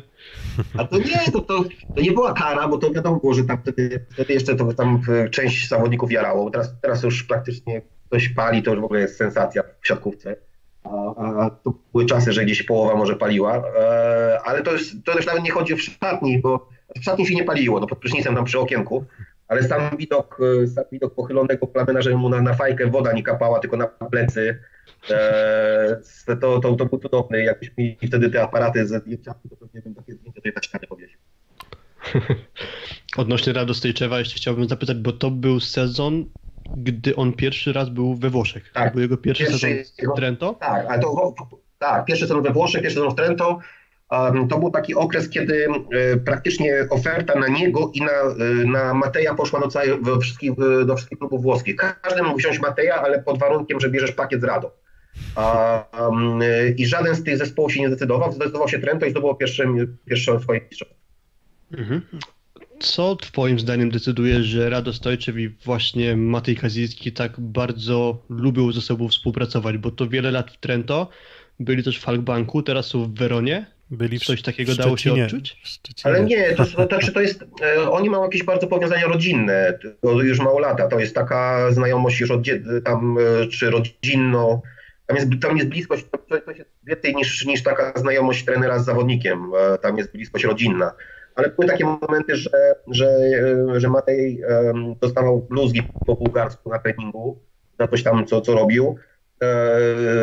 Tak się wkurzał, zrywał koszulkę, bo rozrywał koszulkę sobie tak Hulk Hogan w ogóle, wiesz, na, na tym, na, na, na ringu. To, w tym momencie, jak ja stałem pod siatką, to się zamieniałem atakującym, mówię, ja idę do tyłu, bo zaczyna szaleć. Jak on szalał, to mi się spierdzielali. On nie trenował wszystko na 100%. To nie, zawodnicy tacy topowi nie trenują wszystkiego na 100% każdego dnia. Oni sobie tam da, da, dawkują. On jak się wściekał, to, to dla mnie poziom e, obecnie Leona to, to, to nie, nie, nie bałbym się powiedzieć, że najlepszy Matej to jest Leon. Myślę, że podo, może Leon może ciut lepiej, e, ale to był tak, taki poziom e, siły ataku, siły wysokości i w ogóle szaleństwa w tej siatkówce. Mhm. Przedtem powiedziałem, że sobie zanotowałem jakieś pytania z czatu. Nie kłamałem, bo odnośnie kariery w Trentino to ciekawi mnie odnośnie Nikola Grbicia odpowiedź na pytanie, które zadał Paweł Jaszcza. Czy zauważyłeś, że Nikola Grbic zawsze w pierwszej akcji seta wystawiał do środkowego? E, Generalnie Nikola najsłabszą wy- wystawę miał na krótko. Najsłabszy swoją wystawę miał na pierwsze swoje tempo. E, Ciężko powiedzieć, czy zawsze. Jest to dosyć ciężkie sprawdzanie taktyczne, co robi rozgrywacz przy pierwszym kontakcie, ale wiem jedno. Świetnie s- wystawiał na lewe, na prawe, Pipa rewelacyjnie, blokował, bronił, serwował, ale pierwsze tempo miał najgorsze jak z tych, ja mówię z tych topowych rozgrywaczy. Ja mówię, wiesz, na poziomie, jeżeli porównujemy Bola, wiesz, Ricardo, Gumę, czy teraz tych, tych, tych młodszych, do, do, mówię o topie, to miał najsłabszy ten element pierwszego tempa. Okej. E, Wy w Trentino w sumie mieliście, znaczy hmm, w sumie to chyba nie mieliście aż tak kolosalnych środkowych, bo e, widzę, że jest Emanuele Birarelli, to mam wrażenie nigdy nie był jakiś tytan ataku i drugi Gregor Jeroncic, którego ja w ogóle nie kojarzę. Gregor Jeroncic to, to, to był, wzdychały do niego wszystkie Włoszki, bo to był taki przystojniacha, e, blondynek taki, że wiesz, że tam sikały dziewczyny. Gdzieś grał we Włoszech wcześniej na poziomie takim przeciętnym. Birarelli miał dosyć problemy spore zdrowotne zanim przyszedł do nas. On miał w ogóle przyjść na trzeciego środkowego, bo jeszcze był e, Piscopo, legenda siatkówki, który w ciągu sezonu zmienił pięć razy auto, bo mu nie pasowało. Jeszcze jak wchodził pod prysznic, to zawsze zakładał sobie zegarek, który, miał taki dosyć drogi, e, bo mówił, że musi sobie przemyć jak po treningu, to za każdym razem wszyscy pytaliśmy się, która godzina jest, w, jak on się kopa i odpowiadał 10 razy i cały czas nie złapał, że ładnie go tam. Ale e, zaczął jako, miał być podstawowym, a to był chłopak, który już tak o kadrę się a, I młodzieżową, i troszkę liznął tej seniorskiej, ale Biraleli przeskoczył go i później już się utrzymał bardzo długo. Bira na wysokim poziomie, szóstkowy kadry było później. No i on A, dzisiaj gra w Weronie chyba. jeszcze, Zdaje się w Weronie. jeszcze gra to proszę bardzo. Jeszcze Bira, wi- widziałem ostatnio, że gdzieś w A2 e, Barret, Bari, Barretto, ten drugi e, libero, który grał w Trento, jeszcze gdzieś go widziałem, bo, bo widziałem, że oglądałem sobie statystyki Ligi Włoskiej drugiej. Jeszcze Cizale nawet widziałem, że gra w, w tym gdzieś. W tak, Savani chociażby jeszcze gra. Mhm. A Bari chyba w ostatnim sezonie w Sienie grał, w tej Sienie, która miała taki fajny skład, a byli totalnymi outsiderami. A, ale teraz, teraz w tym roku gdzieś go widziałem w 2-2. Mhm. No, Włosi, Włosi akurat dość dużo tworzą takich środkowych, którzy no, wzięli sobie do, do serca, że to środkowy blokuje i oni blokować to dobrze, ale, ale trochę gorzej jest faktycznie z, z ofensywą. Na pewno, na pewno dużo, największa robota to, to Nikola plus Vlado Nikołow, który chyba najwięcej statuetek MVP dostał. I chyba był najlepszym atakującym ligi. E, I dzień po odebraniu złotego medalu dowiedział się od Rado, że go nie chce, nie chce już Rado z nim pracować. E, chyba nawet po mankiecie nawet chyba się dowiedział, dzień później. E, e, no wiadomo, że, że, że, że Kaziński e, bardzo dobrą zmianę robił do Ledera Lunga, który też później parę lat grał w Perugii, e, który, który zmieniał Winiara, bo Winiar troszkę miał problemów z tymi plecami, trochę tych, tych meczów opu- opu- opuścił. Mhm. Jeszcze jest pytanie odnośnie rozgrywających. E, czy Ricardo miał najlepszy stosunek szybkości do jakości rozegrania i gdzie jakość zdefiniujmy jako wybór rozwiązania? E, Dla mnie, znaczy, słuchajcie, problem jest taki, że możemy ocenić Ricardo, y, nie wiem, sprawdzić jego taktykę grania i okaże się, że ma w każdej sytuacji, w każdym ustawieniu, w każdej piłce, skąd przychodzi, ma 30 na lewe, 30 na środek, 30 na prawe i 10 w pipa. W tym momencie wariujesz, bo nie wiesz, co, co, co, co, co robić, ale z drugiej strony trzeba zwrócić uwagę na to, którzy, którzy rozgrywacze wygrywają w, w zespołach klubowych tam, gdzie są. Bo Ricardo wygrywał wszystko ze swoją e, reprezentacją, a nic nie mógł wygrać w, e, w klubie. Mhm. To samo Jiba poszedł do Kuneo i oni chyba tam mistrza ani razu nie zrobili. Tak. I, i, odparł, I odparł za ZS-em Częstochowa. No bo tak, bo dostał asa, asa od wierzby dostał, więc nie, do tej pory pamiętam. E, jedynym, jedynym takim za- zawodnikiem z tej kadry brazylijskiej, tej takiej najmocniejszej, który zrobił klubowe, to jest Gustavo w Cisley. Reszta z tych chłopaków, czy Nascimento, e, to wszyscy, wszyscy w klubach, e, w klubach nie osiągali sukcesów. I ja, biorąc pod uwagę rozgrywacza, ja nie biorę pod oczywiście uważam, że był, dla mnie był genialny. Na, na tamte czasy nikt tak nie grał jak on. Tylko y, co się dzieje, że Nikola Grbicz przychodzi do robi mistrza, a nie jest takim y, kozakiem na rozegraniu, ale zespoły, zespoły grają lepiej i osiągają sukcesy. To jest cecha dobrego rozgrywacza. Nie ty, jak ty szybko grasz, tylko czy zespół gra, wygrywa z tobą największe sukcesy. A raczej, a raczej budujesz drużynę wokół rozgrywającego, żeby dopasować zawodników do jego stylu rozegrania, czy mm, powiedzmy masz jakiś tam określony zestaw zawodników, no i to rozgrywający musi pasować do tego, jak wolą grać, czy szybciej, wolniej, wyżej, mm, do bardziej do Im skrzydła, bardziej Im środek. lepszy rozgrywasz, im lepszy rozgrywasz, tym łatwiej się jemu dostosować do reszty. E, Zwróćcie uwagę na Toniutiego, który sam potrafi dostosować się do każdego e, atakującego, to on się potrafi, oni się muszą dostosować do niego, Mhm. ale on potrafi dostosować się do zawodników. E, Bardzo bym chciał zawsze zaczynać budowę zespołu od rozgrywacza. E, Między innymi dlatego tak się z TJ zdarzyło, że, że część nie, nie odmówił w ogóle Tavares, którego bardzo chciałem, który przyszedł do, Lubin, do Lubina, bo po prostu on stwierdził, że, że ten zespół będzie mocniejszy, będzie walczył o, o, o, o, o, wysoko, tam o szóstkę nawet. A ja mówiłem, że ja, ja nie chciałem kłamać, e, że nie chciałem opowiadać e, Tavaresowi, który się, mi się bardzo osobiście podoba jako rozgrywacz. Nie chciałem mu opowiadać, że, że, że w Będzinie będziemy w czwórkę grać, bo to byłoby, wiesz, Mhm. trochę nie fair. E, e, I i na PT ja dosyć szybko, bo chciałem wokół niego budować, e, budować zespół. Dlatego dobrałem sobie takiego, takiego później um, e, Fajaziego, który gra bardzo szybko do takiego grania. Najlepiej by było, ale nie zawsze tak możesz. Oczywiście na Mhm. poziomie, na, na poziomie już topowym to możesz to zrobić, bo wydajesz 300 tysięcy euro na odkrywacza i dobudowujesz sobie do tego zawodnika. Ja tak nie mogę zrobić, bo ja jeżeli wy, wy- wysyłam informację, e, ile mam na, na zawod na rozgrywacza, to, to w większości przypadków nawet mi agenci nie wysyłają tych, którzy, których ja chcę, więc e, Mhm. Najlepiej by było tak, najlepszym budowaniem zespołu jest budowanie pod rozgrywacza. Mm, A czy mm, byli rozgrywający są najlepszymi trenerami? A zdecydowanie, to bez. Nie, bo, bo zasta- zastanawiam się też, e, czy ty wiedziałeś od początku, po- znaczy powiedzmy będąc gdzieś tam, nie wiem, w środku swojej kariery, nie wiem, właśnie powiedzmy w Jastrzębiu, tak, bo to powiedzmy gdzieś by tak wypadało. Mm, Wiedziałeś, że będziesz, wiedziałeś, tak. wiedziałeś, że będziesz trenerem? Tak, w Jastrzębiu już tak. W Jastrzębiu już były takie momenty nawet, że e, czy w Jastrzębiu, czy później w Gdańsku, e, gdzie, gdzie chłopaki na czasie do, do kwadratu czasami nawet przychodzili, a to w Gdańsku nawet było. A, a w Jastrzębiu już było tak, że, że w, i, i u Boska, i u, u Totolo, oni wiedzieli o tym, że ja już po prostu to jest miejsce.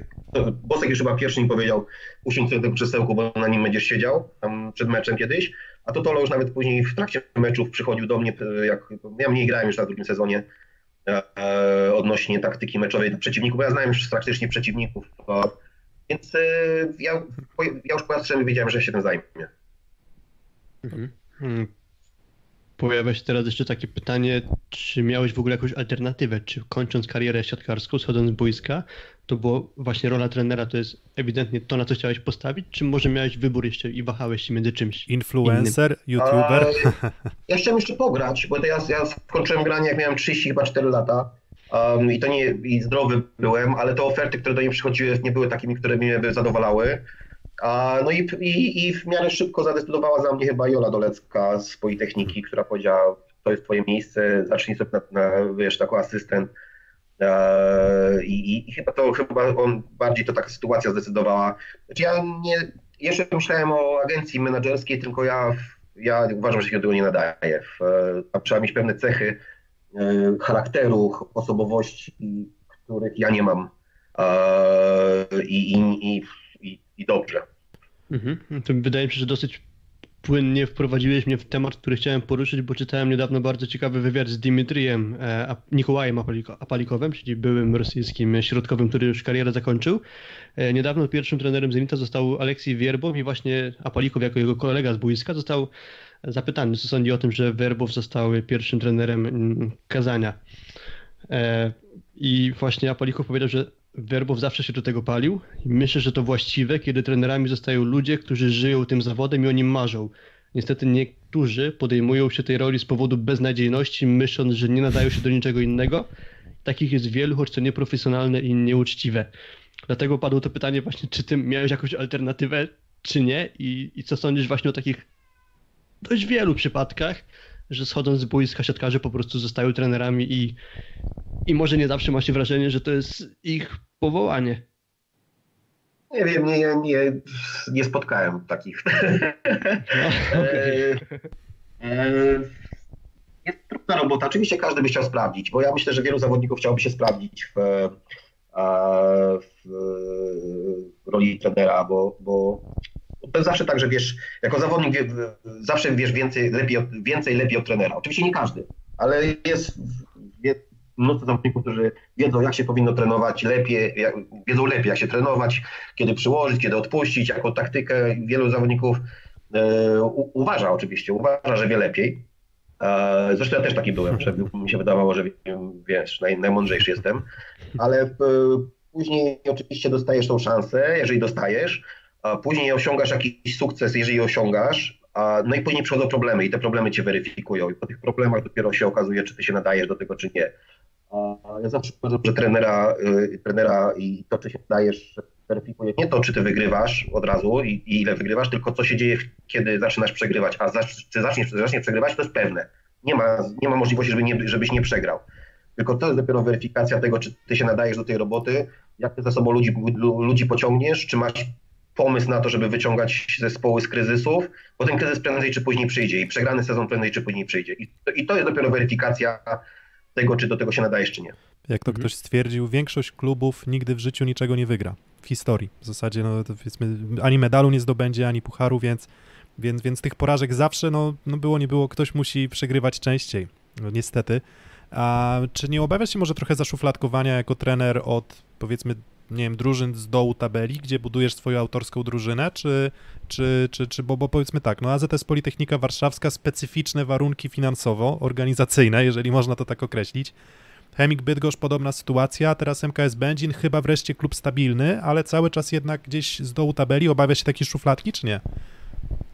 Słuchaj, a Znaczy ja fakt, że fakt, że... pracującym polskim trenerem, że jeżeli chodzi o pracę pod rząd, bez przerwy. Nie ma polskiego trenera dłużej pracującego.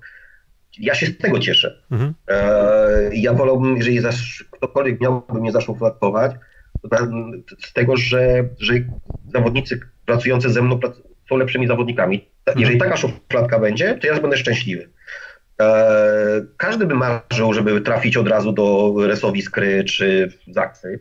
No właśnie, nie masz, nie masz A- takiego poczucia rozgoryczenia, że, że czasem postaci, postaci, które krócej pracują, e, albo nie wiem, są może bliżej związane z klubem, e, właśnie nie wiem, z, wy- z wyższej półki, bezpośrednio trafiają, no już, już powiedzmy gdzieś te kilka szczebelków ja wyżej. im- Nie ma problemu, ja im kibicuję, w, e, nie ma wo mnie jakiegoś żalu specjalnego. Ja się cieszę, że tą robotę, którą wykonuję, staram się wykonywać jak najlepiej i tą robotę mam. I, i raczej jest tak, że, ja tą, że, że to robota mnie szuka. Um, więc nie jest to jak, nie, nie, nie, nie przeżywam tego, nie wstaję rano i mówię, kurde, czy- czemu nie zadzwonił zaraz Skra, czy Jastrzębie, czy tam, czy, czy, czy Daxa. Dokładnie, że co ten, Raczej- co ten Piechocki telefon zgubił? No, to jest, Piechocki ma do mnie numer jeszcze od bardzo dawna, da, da starych czasów naszych. Ja go nie zmieniłem, ale nie, ja, w- ja wiem o tym, że generalnie jakie są moje e, negatywne cechy, które nie pozwalają na, na, na, na obejmowanie na razie jeszcze topowych drużyn. Wiem, wiem, wiem mniej więcej o co chodzi, ale w, ja się cieszę, że każdy mój zespół to był mój zespół. Od pierwszego zespołu Politechniki po zespół będziński ja mam wpływ na wszystkich zawodników praktycznie. Oczywiście są, są kontrakty, które są ważne, ale nie, nie, nie, ja się cieszę, że nigdy nie jest tak, że, że za mnie ktoś decyduje, bo to ja odpowiadam za to. A to jest już, e, to już jest, jestem zadowolony z tego. Ja chciałbym mieć na to wpływ zawsze, no i, Mhm. i to, jest, to jest dosyć istotne dla mnie. A Mhm. to, co przyniesie przyszłość, no zobaczymy, no. Na razie ja się cieszę, że mam, że, że, że mogę pracować, trenować. Kurde, Medal, super. medal, medal Ligi Narodów jest. Więc jakby... No gdzieś po, nie, nie, już medal Ligi Narodów e, jest wylicytowany już, ale... Ale- to ale na ale, ale na zawsze, na zawsze, dokładnie, dokładnie. No, jak będę, wiesz, jak będę, trzeba będzie kiedyś pojechać gdzieś do pracy, to będę się chwalił tym medalem, że mam gdzieś za granicę, bo tutaj oczywiście nikt poważnie tego nie traktuje, w szczególności ja, jeżeli chodzi No to wtedy sobie można od razu dopisać, że 100% zwycięstw jako trener pierwszej seniorskiej reprezentacji Polski. Dokładnie, Dobra, dokładnie. godzina- nie przegrał. Godzina 5 minut nagrania. Pytanie, czy, czy Kuba jeszcze masz czas i pytanie, czy też nasi Ja ludzie, na, czy nasi ludzie na czacie też chcieliby posłuchać jeszcze więcej. Mm, Czy miałeś oferty z jakiejś drużyny z top 4? Mm, Czy, czy, czy przed tym sezonem, czy w, po, przed wcześniejszymi sezonami, gdzie Miałem. Okej, to idziemy dalej. A, miałem, ale w, e, w szczególności w tym roku, w tym, w tym roku e, szybko rozmowy się kończyły, ponieważ mam ważną umowę, a, a, którą chciałbym wypełnić, bo, bo jestem coś winien temu klubowi za to, że mi tak dał, że, że, że stał za mną zawsze nawet w dużych problemach. Więc e, e, e, były rozmowy, ale szybko się, szybko się kończyły, ponieważ e, kończyły się tym, że ja nie, nie było tematu roz, rozwiązania umowy.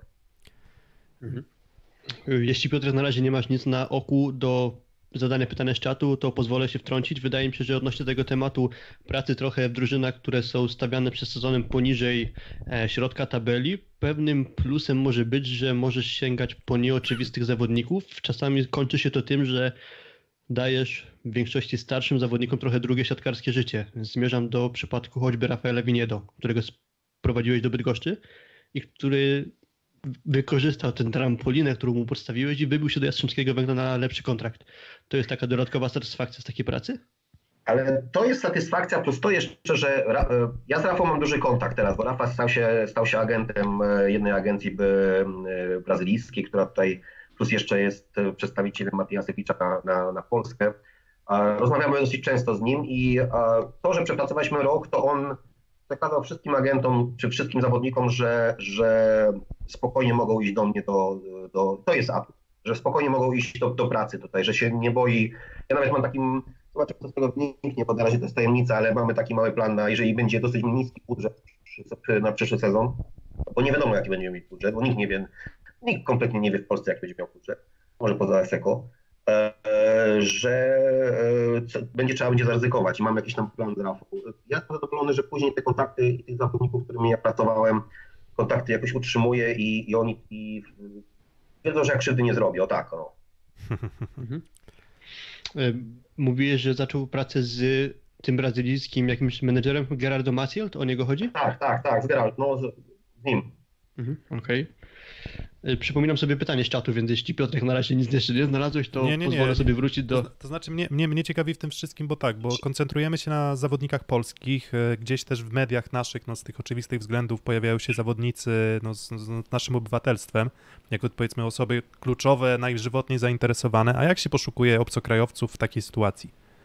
A w sensie, no, nie, obcokrajowcy są no. chyba jeszcze bardziej skołowani, no bo oni muszą zdecydować się na przyjazd w środku epidemii albo gdzieś powiedzmy przy wygasającej epidemii do, do obcego kraju, obcego miasta e, z, ze służbą zdrowia, co do której no też pytanie, czy mają przekonanie, czy nie. No, są, są kraje pewnie, w których ta służba zdrowia jest gorsza, są kraje, w których jest lepsza, ale a właśnie jak, jak, jak, jak to wygląda? E, Przede wszystkim zacznę tak, od służby zdrowia. Tu żaden z zawodników obcokrajowców nie może narzekać na naszą służbę zdrowia i powiem wam szczerze, że wielu z chłopaków obcokrajowców jest zadowolonych z, z poziomu tutaj e, e, naszej służby. Oczywiście jesteśmy Myślę, w okresie takim, że pewnie są zaskoczeni. narzekać na wszystko. Tak, wszyscy.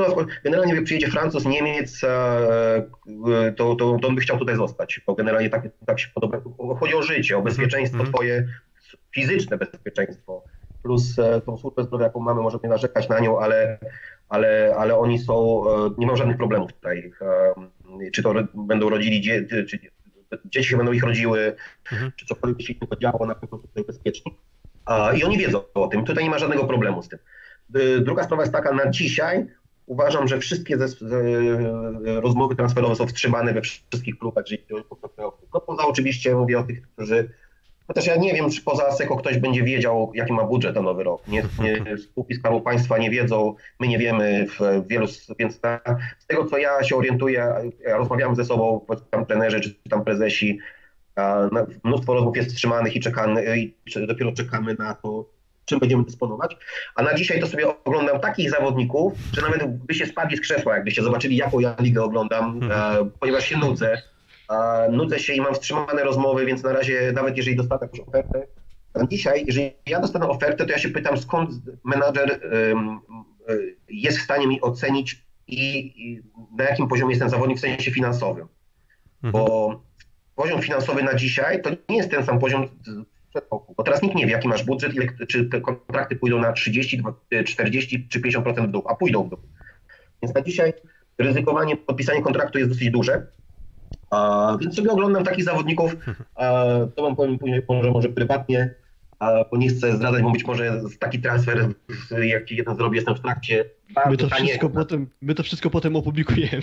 Dokładnie, dokładnie. Nie, ja mówię o tym, że wiesz, że, że ktoś mnie nie uprzedził żaden inny klub, bo pewnie wiesz, Prygiem nie postępuje.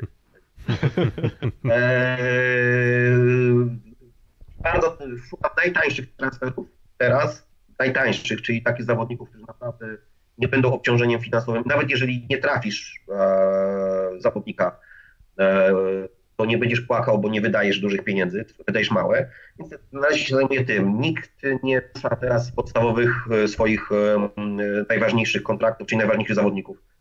No, Zamykają, kluby najczęściej zamykają teraz transfery polskich zawodników, żeby i to też na razie negocjacje są albo renegocjacje starych kontraktów. Więc na dzisiaj jest dosyć bardzo jest ciężki, ciężki okres, no, jeżeli chodzi. A, na, a kto podsyła? No podsyłają mi, wiesz, no podsyła mi, dzwoni, dostaje trzy- wiesz, 10 maili, sprawdź sobie tego, sprawdź sobie tego, sprawdź sobie tego. Oczywiście a, nie jestem w stanie pojechać, y, obejrzeć sobie ligi różnej, ale, ale na przykład dzisiaj dostałem informację, że być może słynny Bolivar nawet nie wystartuje, więc Liga Argentyńska, Brazylijska będzie padała. Nagle się okaże, że mnóstwo zawodników stamtąd będzie wolnych. A nie wiadomo jak Liga Włoska, czy A2 wystartuje w ogóle, czy połowa zespołów za jeden wystartuje w ogóle. Mhm. Więc, więc na dzisiaj wszyscy czekają. No. Tak, chyba najwięcej, naj, najbardziej cierpieć będą no, ligi niszowe, tak bym powiedział, tak, że, że no to, to oczywiście w siatkówce, oczywiście w siatkówce. Wszyscy, wszyscy będą cierpieć, ale myślę, że oni najmocniej. Problem jest taki, że, że e, te, te, te dyscypliny, czyli na przykład piłka nożna, która jest bardzo uzależniona od telewizji, będzie musiała tego się odrobić. My od telewizji jesteśmy dosyć, jesteśmy uzależnieni oczywiście od Polsatu, ale, ale poziom wpływów z Polsatu do klubu jest e, na tyle niski, że, że nie wpływa ci bardzo na twój budżet, bo jeżeli w 8 milionów złotych z ekstraklasy piłkarskiej do ciebie wpłynie z, z, z kanału Plus, no to to jest zastrzyk dla ciebie finansowy sporo. E, 300 tysięcy, tam 340, dobra, nie wiem, gdzieś tam Mhm, powiedzmy mhm, 350 tysięcy złotych Polsatu. Nie wpłynie. Nie jesteśmy tak bardzo uzależnieni od telewizji, jesteśmy zależni od innych rzeczy, od innych, um, między innymi od samorządu na przykład Mhm, mhm. a, czy od czy spół- czy spółek państwa. Oczywiście. Więc na dzisiaj że nikt nie, nikt nie będzie robił transferu, bo się może okazać, że zawodnik, który kosztował 100 tysięcy euro w zeszłym roku, będzie kosztował 40 w lipcu. No i teraz Mhm. wiesz, teraz będzie przeczekiwanie. No. Mm, Przedtem jeszcze wrócę do pytania z czatu, które chciałem zadać, a, a jeszcze nie było okazji. Odnośnie Karola Butryna, czy nie uważasz, że jego warunki fizyczne mogą go skreślić z tej rywalizacji na najwyższym poziomie i czy przed nim stoją drzwi reprezentacji otworzone, czy jednak bez szans? Nie, nie, nie przejmował się w tym sezonie tymi warunkami swoimi, zdecydowanie. Właśnie, wiesz, jak, jak, jak nie mówisz zawodnikowi, że, za, że nie jest za niski, to on nawet nie myśli o tym, że jest za niski. Bo sobie leje. Fa- Fantastyczny sezon. Ja uważam, że on obok Janusza, dwa naj, naj, naj, najważniejszych, dwóch najważniejszych zawodników tego sezonu, takich najrówniejszych. A, a, wiem, że bardzo Prykiel był z niego zadowolony, bo to jest chłopak, który, wiesz, je- jemu każesz atakować tamto, będzie to robił. To jest chłopak, który po prostu robi to, co ma robić, a nie, nie, nie, nie do tego ideologii, ani teorii, te, teorii, teorii siatkarskich. E, Nigdy się nie dowiemy, czy poziom reprezentacyjny e, dla niego jest e, za wysoki, ponieważ na, na dzisiaj musiał przeskoczyć mu Zaja z kurkiem. Więc problem nie jest na złe jego. czasy trafił. No, czy właśnie dlatego mówię, problem to nie jest jego problem, tylko problem jest taki, że my mamy na, takiej, na w każdej pozycji takich kozaków, że nawet jak będziesz błyszczał w polskiej lidze, czy będziesz grał, bo Kutryn, ja myślę, że on i Filipiak to, znaczy nie Filipiak, um, um, Faryn. Dwóch najlepszych, no i Filipiak to pewnie trzeci trafił. Filipiak, e, trzy, najlepszy atakujący polskiej ligi tego sezonu. No ale słuchaj, no jeżeli mamy Muzaja, który jest pół metra wyżej nad nimi, no i kurka. Mhm. Tak, mam taki flashback, przebłysk pamięci z Instagrama Kamila Rychlickiego, który kilka sezonów temu pół żartem rzucił taki komentarz, że do któregoś z polskiego zawodników chłopaki załatwcie mi polskie obywatelstwo. Jak dzisiaj zobaczy, co wyprawiał w Rosji Maciej Muzaj, na jakim poziomie potrafi grać Bartosz Kurek, to nie wiem, czy by się Kamil Rychlicki drugi raz nie zastanowił, czy rzeczywiście ten polski paszport chce. A może szybciej włoski, bo, bo chociaż ten, ten, ten rok nie miał najlepszego w tym, tym lubę. Wiem, że tam lubę szuka tego atakującego. Może tam akurat kurek trafi, ale, ale wiem, że no, nie miał tego najmocniejszego e, sezonu. Problem, problem jest taki dla tych chłopaków, którzy się wybijają w polskiej lidze, to, że my po prostu mamy super mocną kadrę. No i, i wiesz, to nigdy się nie stanie. Był, jakby Butryn byłby Czechem, Słowakiem, Niemcem, Francuzem, to być może byłby w kadrze, wiesz, w, w, bo ja, ja nie mówię, że francuska kadra jest słabsza, tylko ja mówię o możliwościach, o tych 16 czy 18 zawodnikach, którzy tam mogą się po- pokręcić. Bo żeby trafił. No, u nas no, ciężko, no ciężko mu było, ale to jest, ale mimo wszystko świetny, świetny sezon. Mhm. W sumie teraz mi przyszło takie pytanie do głowy, bo często się słyszy gdzieś w telewizji, że jakiś zawodnik to już jest ten poziom międzynarodowy. Ja mam często wrażenie, że poziom klubowy jest dużo wyższy od tego, jaki prezentują reprezentacje krajów najlepsze.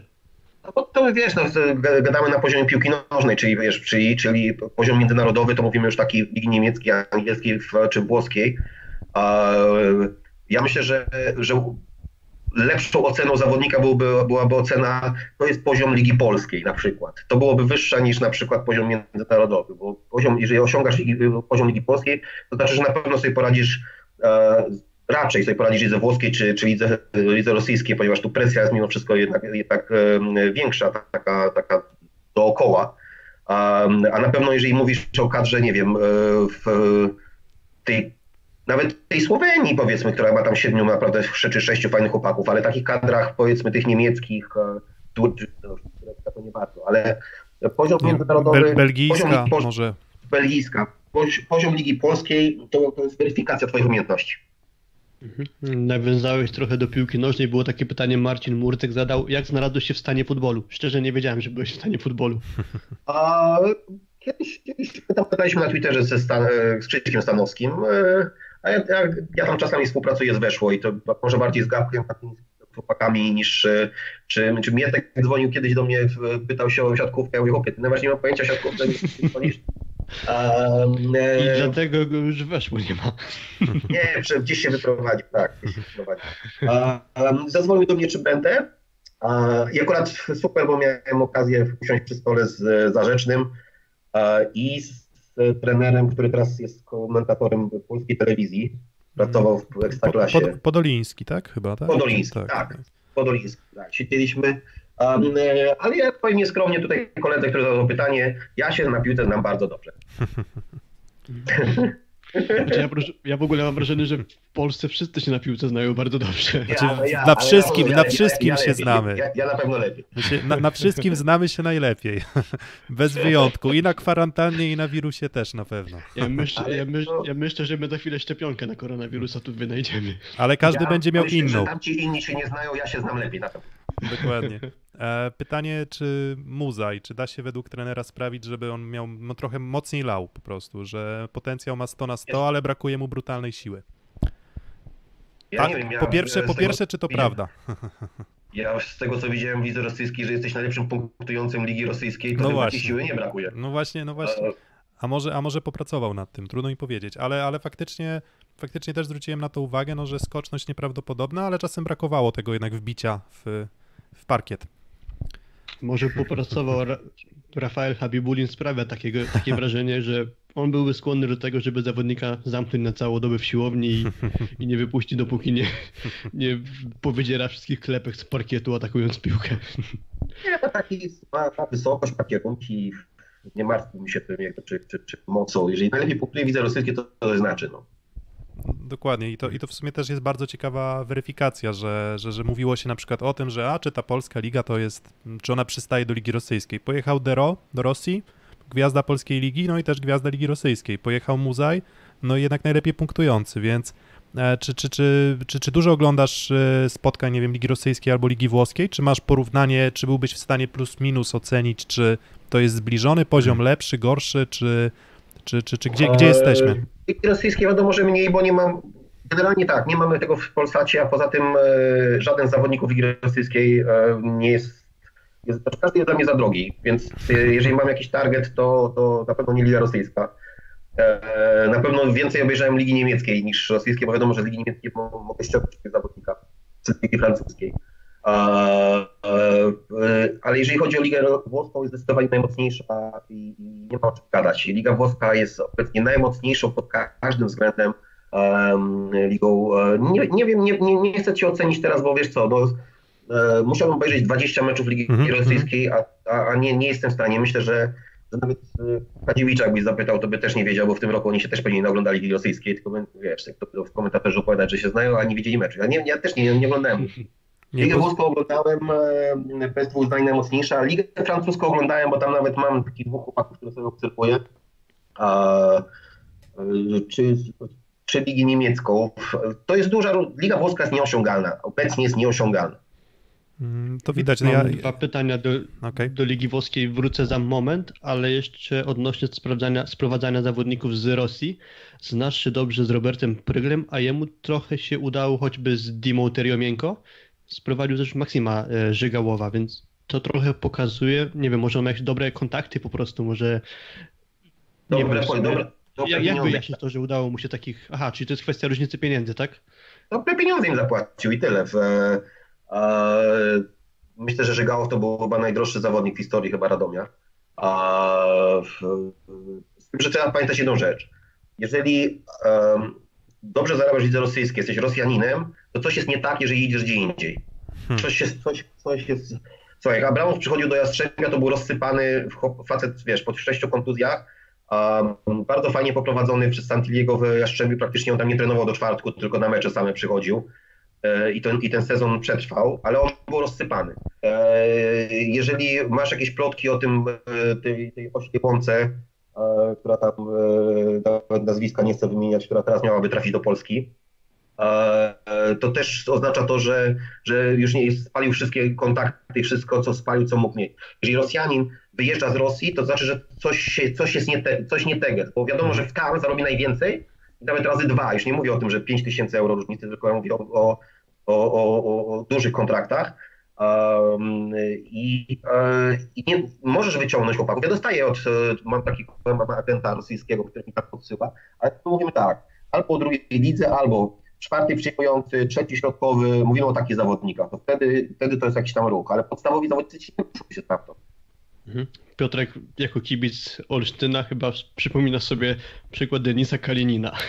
Tak, no, no tak, no nie był, znaczy fakt, że no już e, pytanie o, o jakim też momencie kariery mówimy, tak, no ale no nie, nie, nie, był to, nie był to jakiś spektakularny transfer, tak to, tak to ujmę. Ciężko, jeżeli chcesz naprawdę do topowego Rosjanina e, trafić, do, e, który gra w lidze rosyjskiej, to, coś, to, to musisz szukać jakiegoś haczyka. Albo chce wyjechać po prostu, bo chce sobie zobaczyć do innego kraju, albo coś jest nie tak z nim. No. Mm, Albo duże pieniądze, jak Dmitrij Muserski zarabia e, w Japonii. I Ale to już film- mówimy o takich, że tam idziesz na milion euro, na milion dolarów idziesz, no to już No tak, To, ale że już, oni po milion dolarów dostawali, y, ta, ta szóstka, która zdobyła y, chyba w Londynie ten złoto, tak w Londynie, oni wszyscy mieli później chyba po milion dolarów do, w- dostać. Oni nie dostali pieniędzy w kadrze, tylko dostali wszystko w premiach klubowych, więc kluby musiały popłacić w bańce. To oni, oni zarabiali ogromne pieniądze tak, no ale już, Mhm. ale już Grankin w Berlinie to już, to już jest taki przykład. Ale coś tam było, e, jakaś końcówka, coś było nie tak, bo tam się pokłócił z trenerem od razu, bo tam wiadomo, było, że była zadyma między nimi. A ja też bardzo chciałbym Grankina, tylko że jak się dowiedziałem, ile Berlin mu płaci, to, to, to, to, to, nawet już przestałem pytać. No ale, a pytałeś gdzieś ostatnio, bo z tego co gdzieś jakieś wiadomości do mnie dochodzą, to Berlin jest w kolosalnych kłopotach finansowych, tylko że przypuszczam, że Grankin raczej przebiera w ofertach. Jeśli by chciał znaleźć nowy klub, to raczej nie będzie miał problemu z tym. Zresztą każdy klub rosyjski da mu tyle, co wiesz, każdy klub rosyjski absolutnie. Nawet przy jakiejś tam recesji czy, czy jakichś, jakichś problemach, to wciąż jest, e, wciąż jest topowy zawodnik dużym nazwiskiem. Tak, a ja myślę, że jeśli komuś, ko- kogoś e, z pozycji Rosjanom brakuje, to właśnie rozgrywającego na trochę dłuższy okres czasu. Chociaż Grankin trochę już wiekowy, ale, ale pewnie jeszcze by się e, załapał na co najmniej kilka ja- sezonów do rosyjskiej kadry. gadałem z Tomkiem Wasilkowskim, który tam, e, który był trenerem w Berlinie, e, mówił same superlatywy, że lider i w ogóle kawał zawodnika. Ja, jeżeli ja bym go chciał mieć w Będzinie, bardzo chętnie, tylko że ja na razie nie wiem, czy ja go mogę zaoferować. Mm, To jeszcze, jeszcze jedno pytanie tam na, na, na, czacie, na czacie mi się spodobało, znaczy spodobało, może nie będzie łatwe do odpowiedzenia, ale Janicz, Samardzic, Kadziewicz, Zanutto, co poszło nie tak? I Bednaruk w tym wszystkim też, no to co poszło nie tak? Poza tym, że oczywiście kontuzja, kontuzja Zanutto. Wszystko poszło nie tak. Tam, jeżeli, jeżeli są jakieś rzeczy, które nie idą nie tak w zespole, a są takie rzeczy, bo różnie, kontuzja, pieniądze, y, źle dobrany charakterologicznie zespół, źle dobrany trener, wszystkie, bo ileś tam rzeczy może źle dobrać, które się później weryfikuje w trakcie sezonu. A tam się okazało chyba, że wszystko naraz się w ogóle zwaliło na łeb.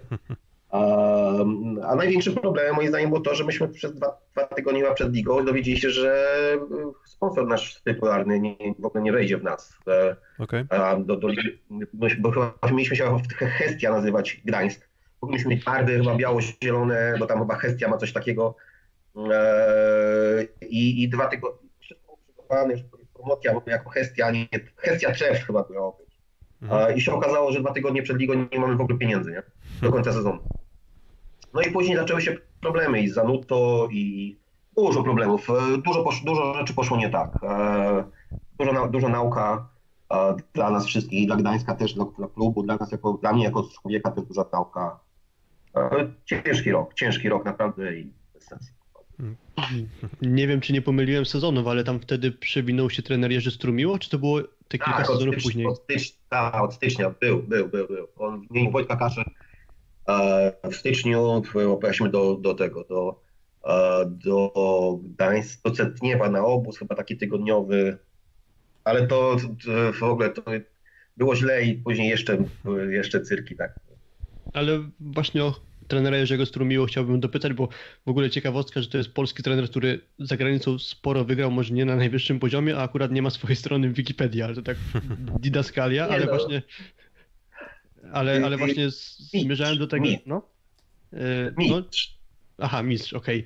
E, Właśnie o to mi chodziło. Między innymi się niedawno dowiedziałem, że on dobre wyniki osiągał w Belgii, w Szwajcarii, w Austrii, a słuch po nim zaginął. On mieszka teraz w ogóle w Belgii chyba, tak? On, chyba- on, on był na stałe w Belgii. On jest mistrzem Belgii, Francji, Austrii, Szwajcarii, Francji, Turcji. Generalnie to jest facet, który osiągnął chyba jako trener najwięcej w historii z polskich trenerów. Ale bardzo ciekawa, kolorowa postać. Po prostu bardzo ciekawa.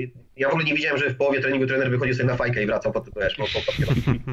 Ale e, bardzo strzaliczka, przepraszam, Adidasa strzaliczka. Bardzo ciekawa, kolorowa postać. Mi się daje, że, że można byłoby książkę pisać o nim, bo bo takiego kolorowego ptaka to ja dawno nie widzę, nie, nie spotkałem jako trenera. Mhm. To tutaj w sumie powiedziałeś o tym, ile on wygrał i przypomniało mi się to, że nie ma swojej strony w Wikipedii, to punkt wspólny między Jerzym Strumiło a Marcelo Mendezem jest to, że Marcelo Mendez też nie ma swojej strony w Wikipedii, a wiemy jaką postacią trenerską jest Marcelo Mendez. A odnośnie Jerzego Strumiło właśnie mi się przypomniało, jak Frank de Pestele powiedział, że z trójki trenerów, którzy mieli na niego największy wpływ, to jest właśnie Jerzy Strumiło, Dominik Bayens i Roberto Santilli. Także no, nie mówi się dzisiaj o Jerzym Strumiło w Polsce, to nie jest postać medialna, znana, wspominana, a jednak gdzieś w tej szkole polskich Nie. trenerów, czy może nie polskiej, a zagranicznej szkole trenerów, e, taka postać istnieje z polskim paszportem. Trzeba docenić oczywiście to, co, to, co osiągnął, bo chciałbym kiedyś osiągnąć tyle, co on, ale naprawdę taka ciekawa postać, że, że wielokrotnie jak siedzimy z kumplami, to jest, wspominamy sobie te czasy, to, to, to, to mamy, mamy, mamy co wspominać, o tak powiem. Znaczy, tak, bo mówisz trochę naokoło, ale przypuszczam, że punktem, dużo punktów wspólnych byłoby między nim a Janem Suchem. Jeśli chodzi o taką nieszablonowość pracy trenerskiej, może coś takiego. Nie, no, jak ja, jak o, tyle historii, co, co, co posłuchałem od trenera, to, to miło. Nie no, mi, no taki facet, który nie, no, na pewno się nie nudziliśmy, no. Okej. To widocznie może to była jego siła, albo jeden z dużych atutów. No właśnie, ale to też, to też pokazuje, że nawet najlepszy trener, który najlepiej potrafi zdiagnozować problemy zespołu, nie zawsze, nie zawsze poprawi grę na tyle, żeby, żeby na przykład uratować przed spadkiem, tak? I teraz... Myśmy, myśmy dwa lata później chyba zrobili taką e, z kumplami numer bo chyba i zadzwoniliśmy jako dziennikarze chyba. E, nagraliśmy tą rozmowę dla, dla, dla śmiechu i później się okazało, że ktoś to dostał i siatka ork to przedrukowała. Zrobiliśmy sobie taki żarcik, że tam, że, że rozmawialiśmy z nim i, i, i, wyciągnęliśmy od niego, czuje się pan jak, jak e, Alex Ferguson gdańskiej siatkówki. Tak, tak, można mnie tak ocenić, można mnie tak ocenić. A my sobie tam bo tam sobie... No i później to siatka, bo to później chyba do radomsport.pl chyba poszło i siatka to przedrukowała. Jak to zobaczyłem po tygodniu, to spadłem z krzesła.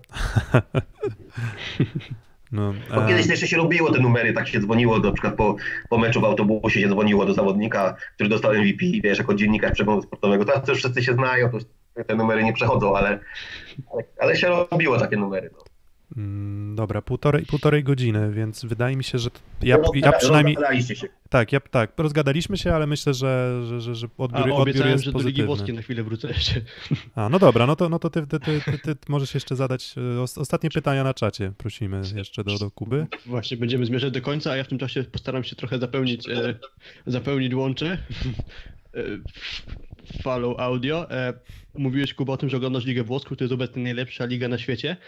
Przeglądałem sobie sezon, właściwie wyniki Ligi Włoskiej z sezonu, kiedy ty tam grałeś i zastanawiam się, czy byś porównał tę ligę na zasadzie, że tamta była mimo wszystko jeszcze trochę mocniejsza, bo tak, wy wygraliście fazę zasadniczą, jako z Trentino mając 59 punktów, tyle samo co drugie Cuneo, tylko mieliście jedną, e, jedną wygra, jeden wygrany mecz więcej.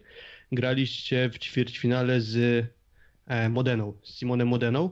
No i tak, dzisiaj ósme miejsce w Plus Lidze zajmuje bodajże AZS Olsztyn i wiemy, jak tam- są zawodnicy. Wtedy w Modenie grali chociażby Angel Denis, Andre Nascimento, Andre Heller, Murilo Endres, e, a kontuzjowany był Ricardo, który miał złamaną rękę, więc nie mógł z wami zagrać. Potem trafiliście w półfinale na Rome Volley, gdzie grał chociażby Iwan Milikowicz, Wyrse Koistra, Leonel Marshall, Hubert Denno, Christian Savani, Luigi Mastriangelo.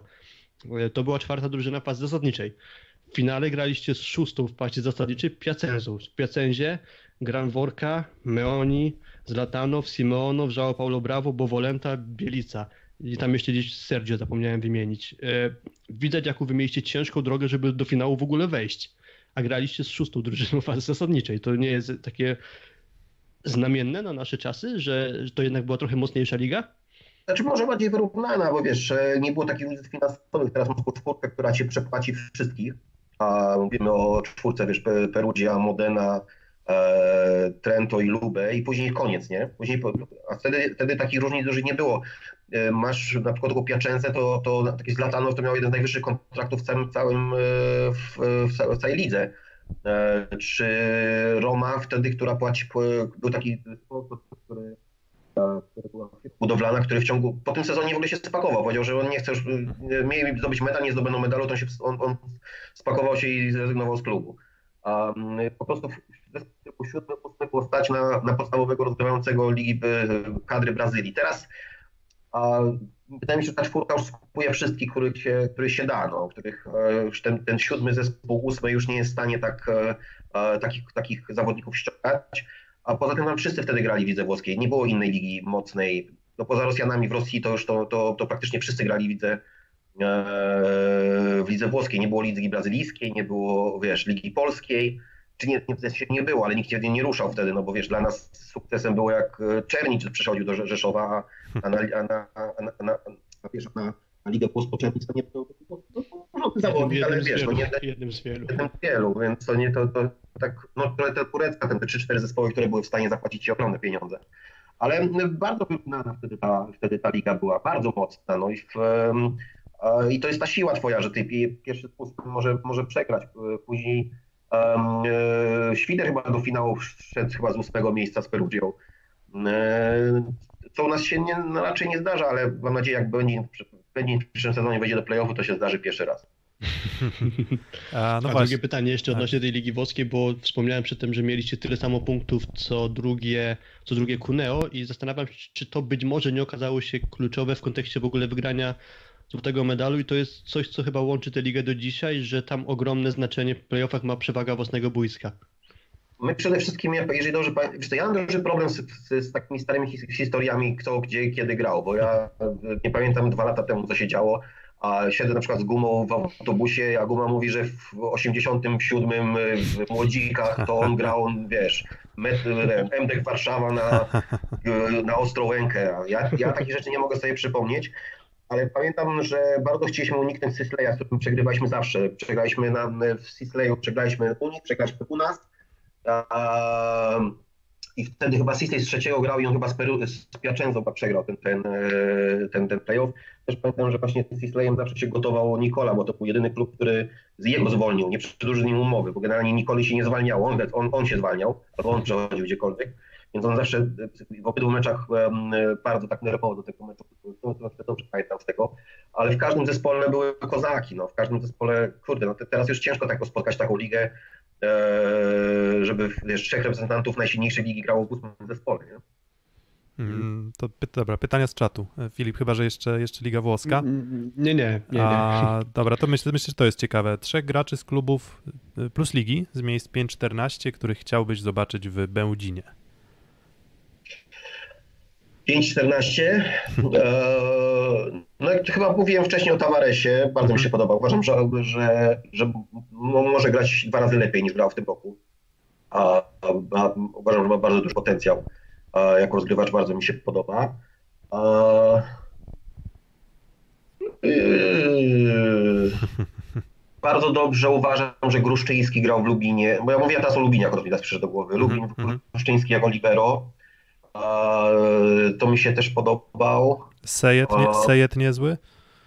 Sejet ma mały problem jeden. Sejet ma mały problem. Sejet jest bez zagrywki kompletnie. Jeżeli chcesz grać na To to prawda. jest fantastycznym. e, Poza tym to jest facet, który nie blokuje jeden na jeden na. Jakbyście zobaczyli efektywność bloku, on, on blokuje wszystko na wysokiej piłce, chociaż jest mocny, bo jest strasznie szybki na skrzydłach, ale jest na środku, go nie ma. Ale brakuje mu niego, jeżeli chciałbym brać pod uwagę na przykład top, e, to, to, znaczy ja mówię, że dla mnie Sejet jest, wiesz, dla Będzina to nie ma o czym gadać, No tylko tak, ja tak. mówię o tym, że brakuje mi, brakuje, żeby on był taki już kompletny, brakuje mu niego zagrywki, bo on, nie, on ma problem z stepowaniem ogólnie. Tak, to, to Eee, się No zgadzam. się. jest tam paru, teraz musiałbym, wiesz, przeanalizować tych, tych, tych w zespole. Eee, Ferreira mi się podobał zawiercia, chociaż ten sezon, poprzedni sezon miał lep, w ogóle generalnie zawiercie miało dwa lata temu lepszy sezon niż ten sezon. Eee, No jest tam paru chłopaków, ale to słuchaj, no. Tam Zobaczymy za w lipcu, co się będzie działo, nie? No właśnie. Jestem, jestem ciekawy, gdzie wyląduje Jan Hadrawa, bo przypuszczam, że gdybyś nie miał Faryny, to pewnie mógłbyś go być może wymienić wśród tych zawodników, których byś chciał zobaczyć u siebie. E, Były tylko, były tylko dwa tematy. Jeżeli Faryna by odchodził, to Superlak jako pierwszy. Ja od razu to mówiłem i to mówiłem w zeszłym roku w sierpniu, że ja mam dwóch i jeden z nich, e, może dwóch zostanie, ale, ale, ale może nie na przyszły sezon, ale jeżeli by Faryna chciał gdzieś odejść, no to na pewno bym postawił na Superlaka i nie, nie zastanawiałbym się nawet chwili. Mm, Okej. Dobra, to okej, to może jeszcze ostatnie pytanie z czatu i, i tyle. Czy przesunięcie igrzysk dla nas to plus czy minus pod kątem kadry? I też powiedzmy tego, że Kubiak starszy, Kurek starszy, no ale jednak cała zgraja młodzieży starszej jednak będzie o rok lepsza. Prawdopodobnie. Powiem ci, powiem ci tak, że, że jeżeli wygramy igrzyska, to się okaże, że nie, a jak przegramy, to okaże się, że ten rok to był problem dla nas. Także ja, ja tak, tak prognozuję. Dokładnie. No okej, dobra. A, Mam, no, mamy, takie, mamy takie czasy, że pojawia się dużo książek, a książki na takie czasy, że są ciężkie, to dobra odskocznia od rzeczywistości. W sumie chyba trochę znamy już odpowiedź, ale powiedziałeś przy tym, że masz słabą pamięć. Czy, czy Jakub Bednaruk planuje napisać książkę? Nie, nie mam takich życi, wie- wiesz, kto by miał poza moją żoną, chciałby to czytać. E, e, Chociaż ja bym nie, no ja bym musiał, znaczy ja w ogóle wychodzę z założenia, że książki, jeżeli piszą książki sportowcy, to muszą jechać po bandzie ze wszystkim. Albo pisać wszystko, albo nie pisać nic, bo, Mhm.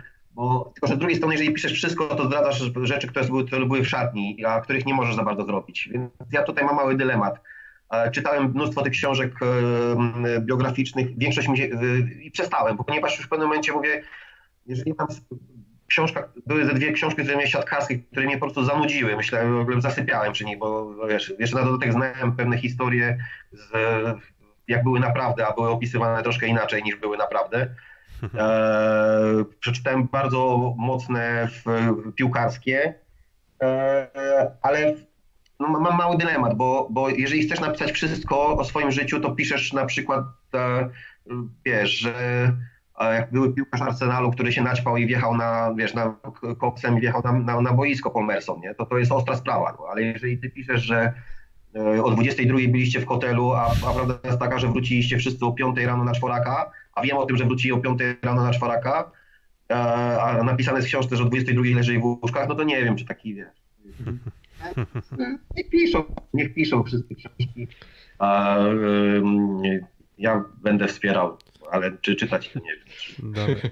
A, no to co? No to chyba, chyba zmierzamy, zmierzamy ku końcowi. Mm, to jeszcze takie ostatnie pytanie. Wielkanoc wielkimi krokami nadchodzi. Mm, no i nie do końca szczęśliwe te twoje Boże Narodzenie, no bo jednak e, drugi dzień świąt i na mecz.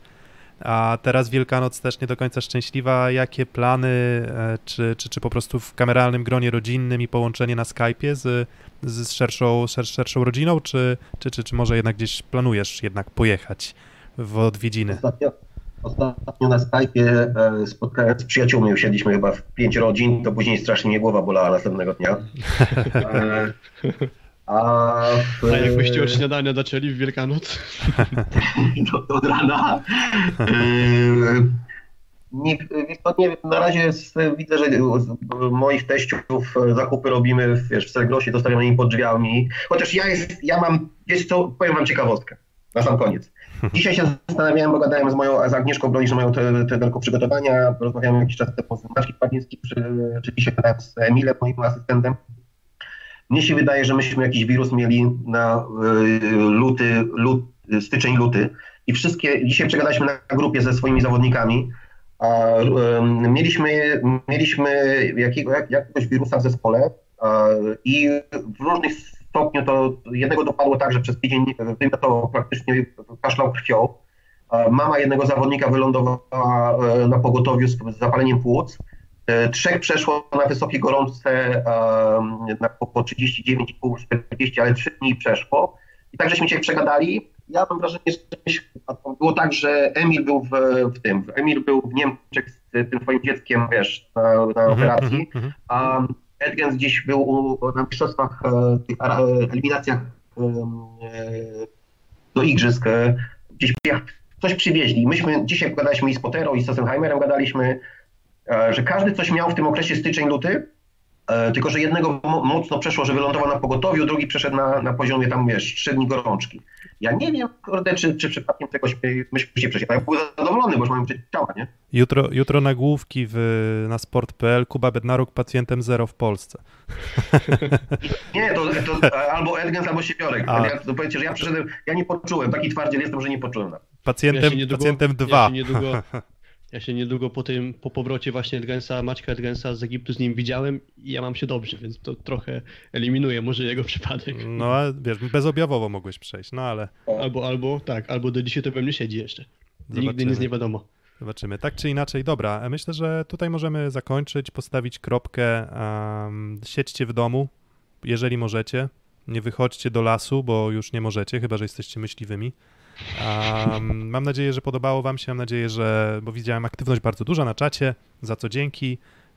No i myślę, że to nie będzie ostatnia taka przygoda. E, myślę, że Kuba bardzo ciekawy rozmówca. Dzięki w ogóle za to, że, że wpadłeś, dołączyłeś do nas. Umililiśmy Ci, mam nadzieję, tę te, te, te, te, tę godzinkę z hakiem. A, no, znowu jakieś pierdoły na Netflixie oglądał, tak sobie pogadałem. No właśnie, a propos, a propos Netflixa, ostatnie pytanie, czy ostatni temat, Dom z papieru.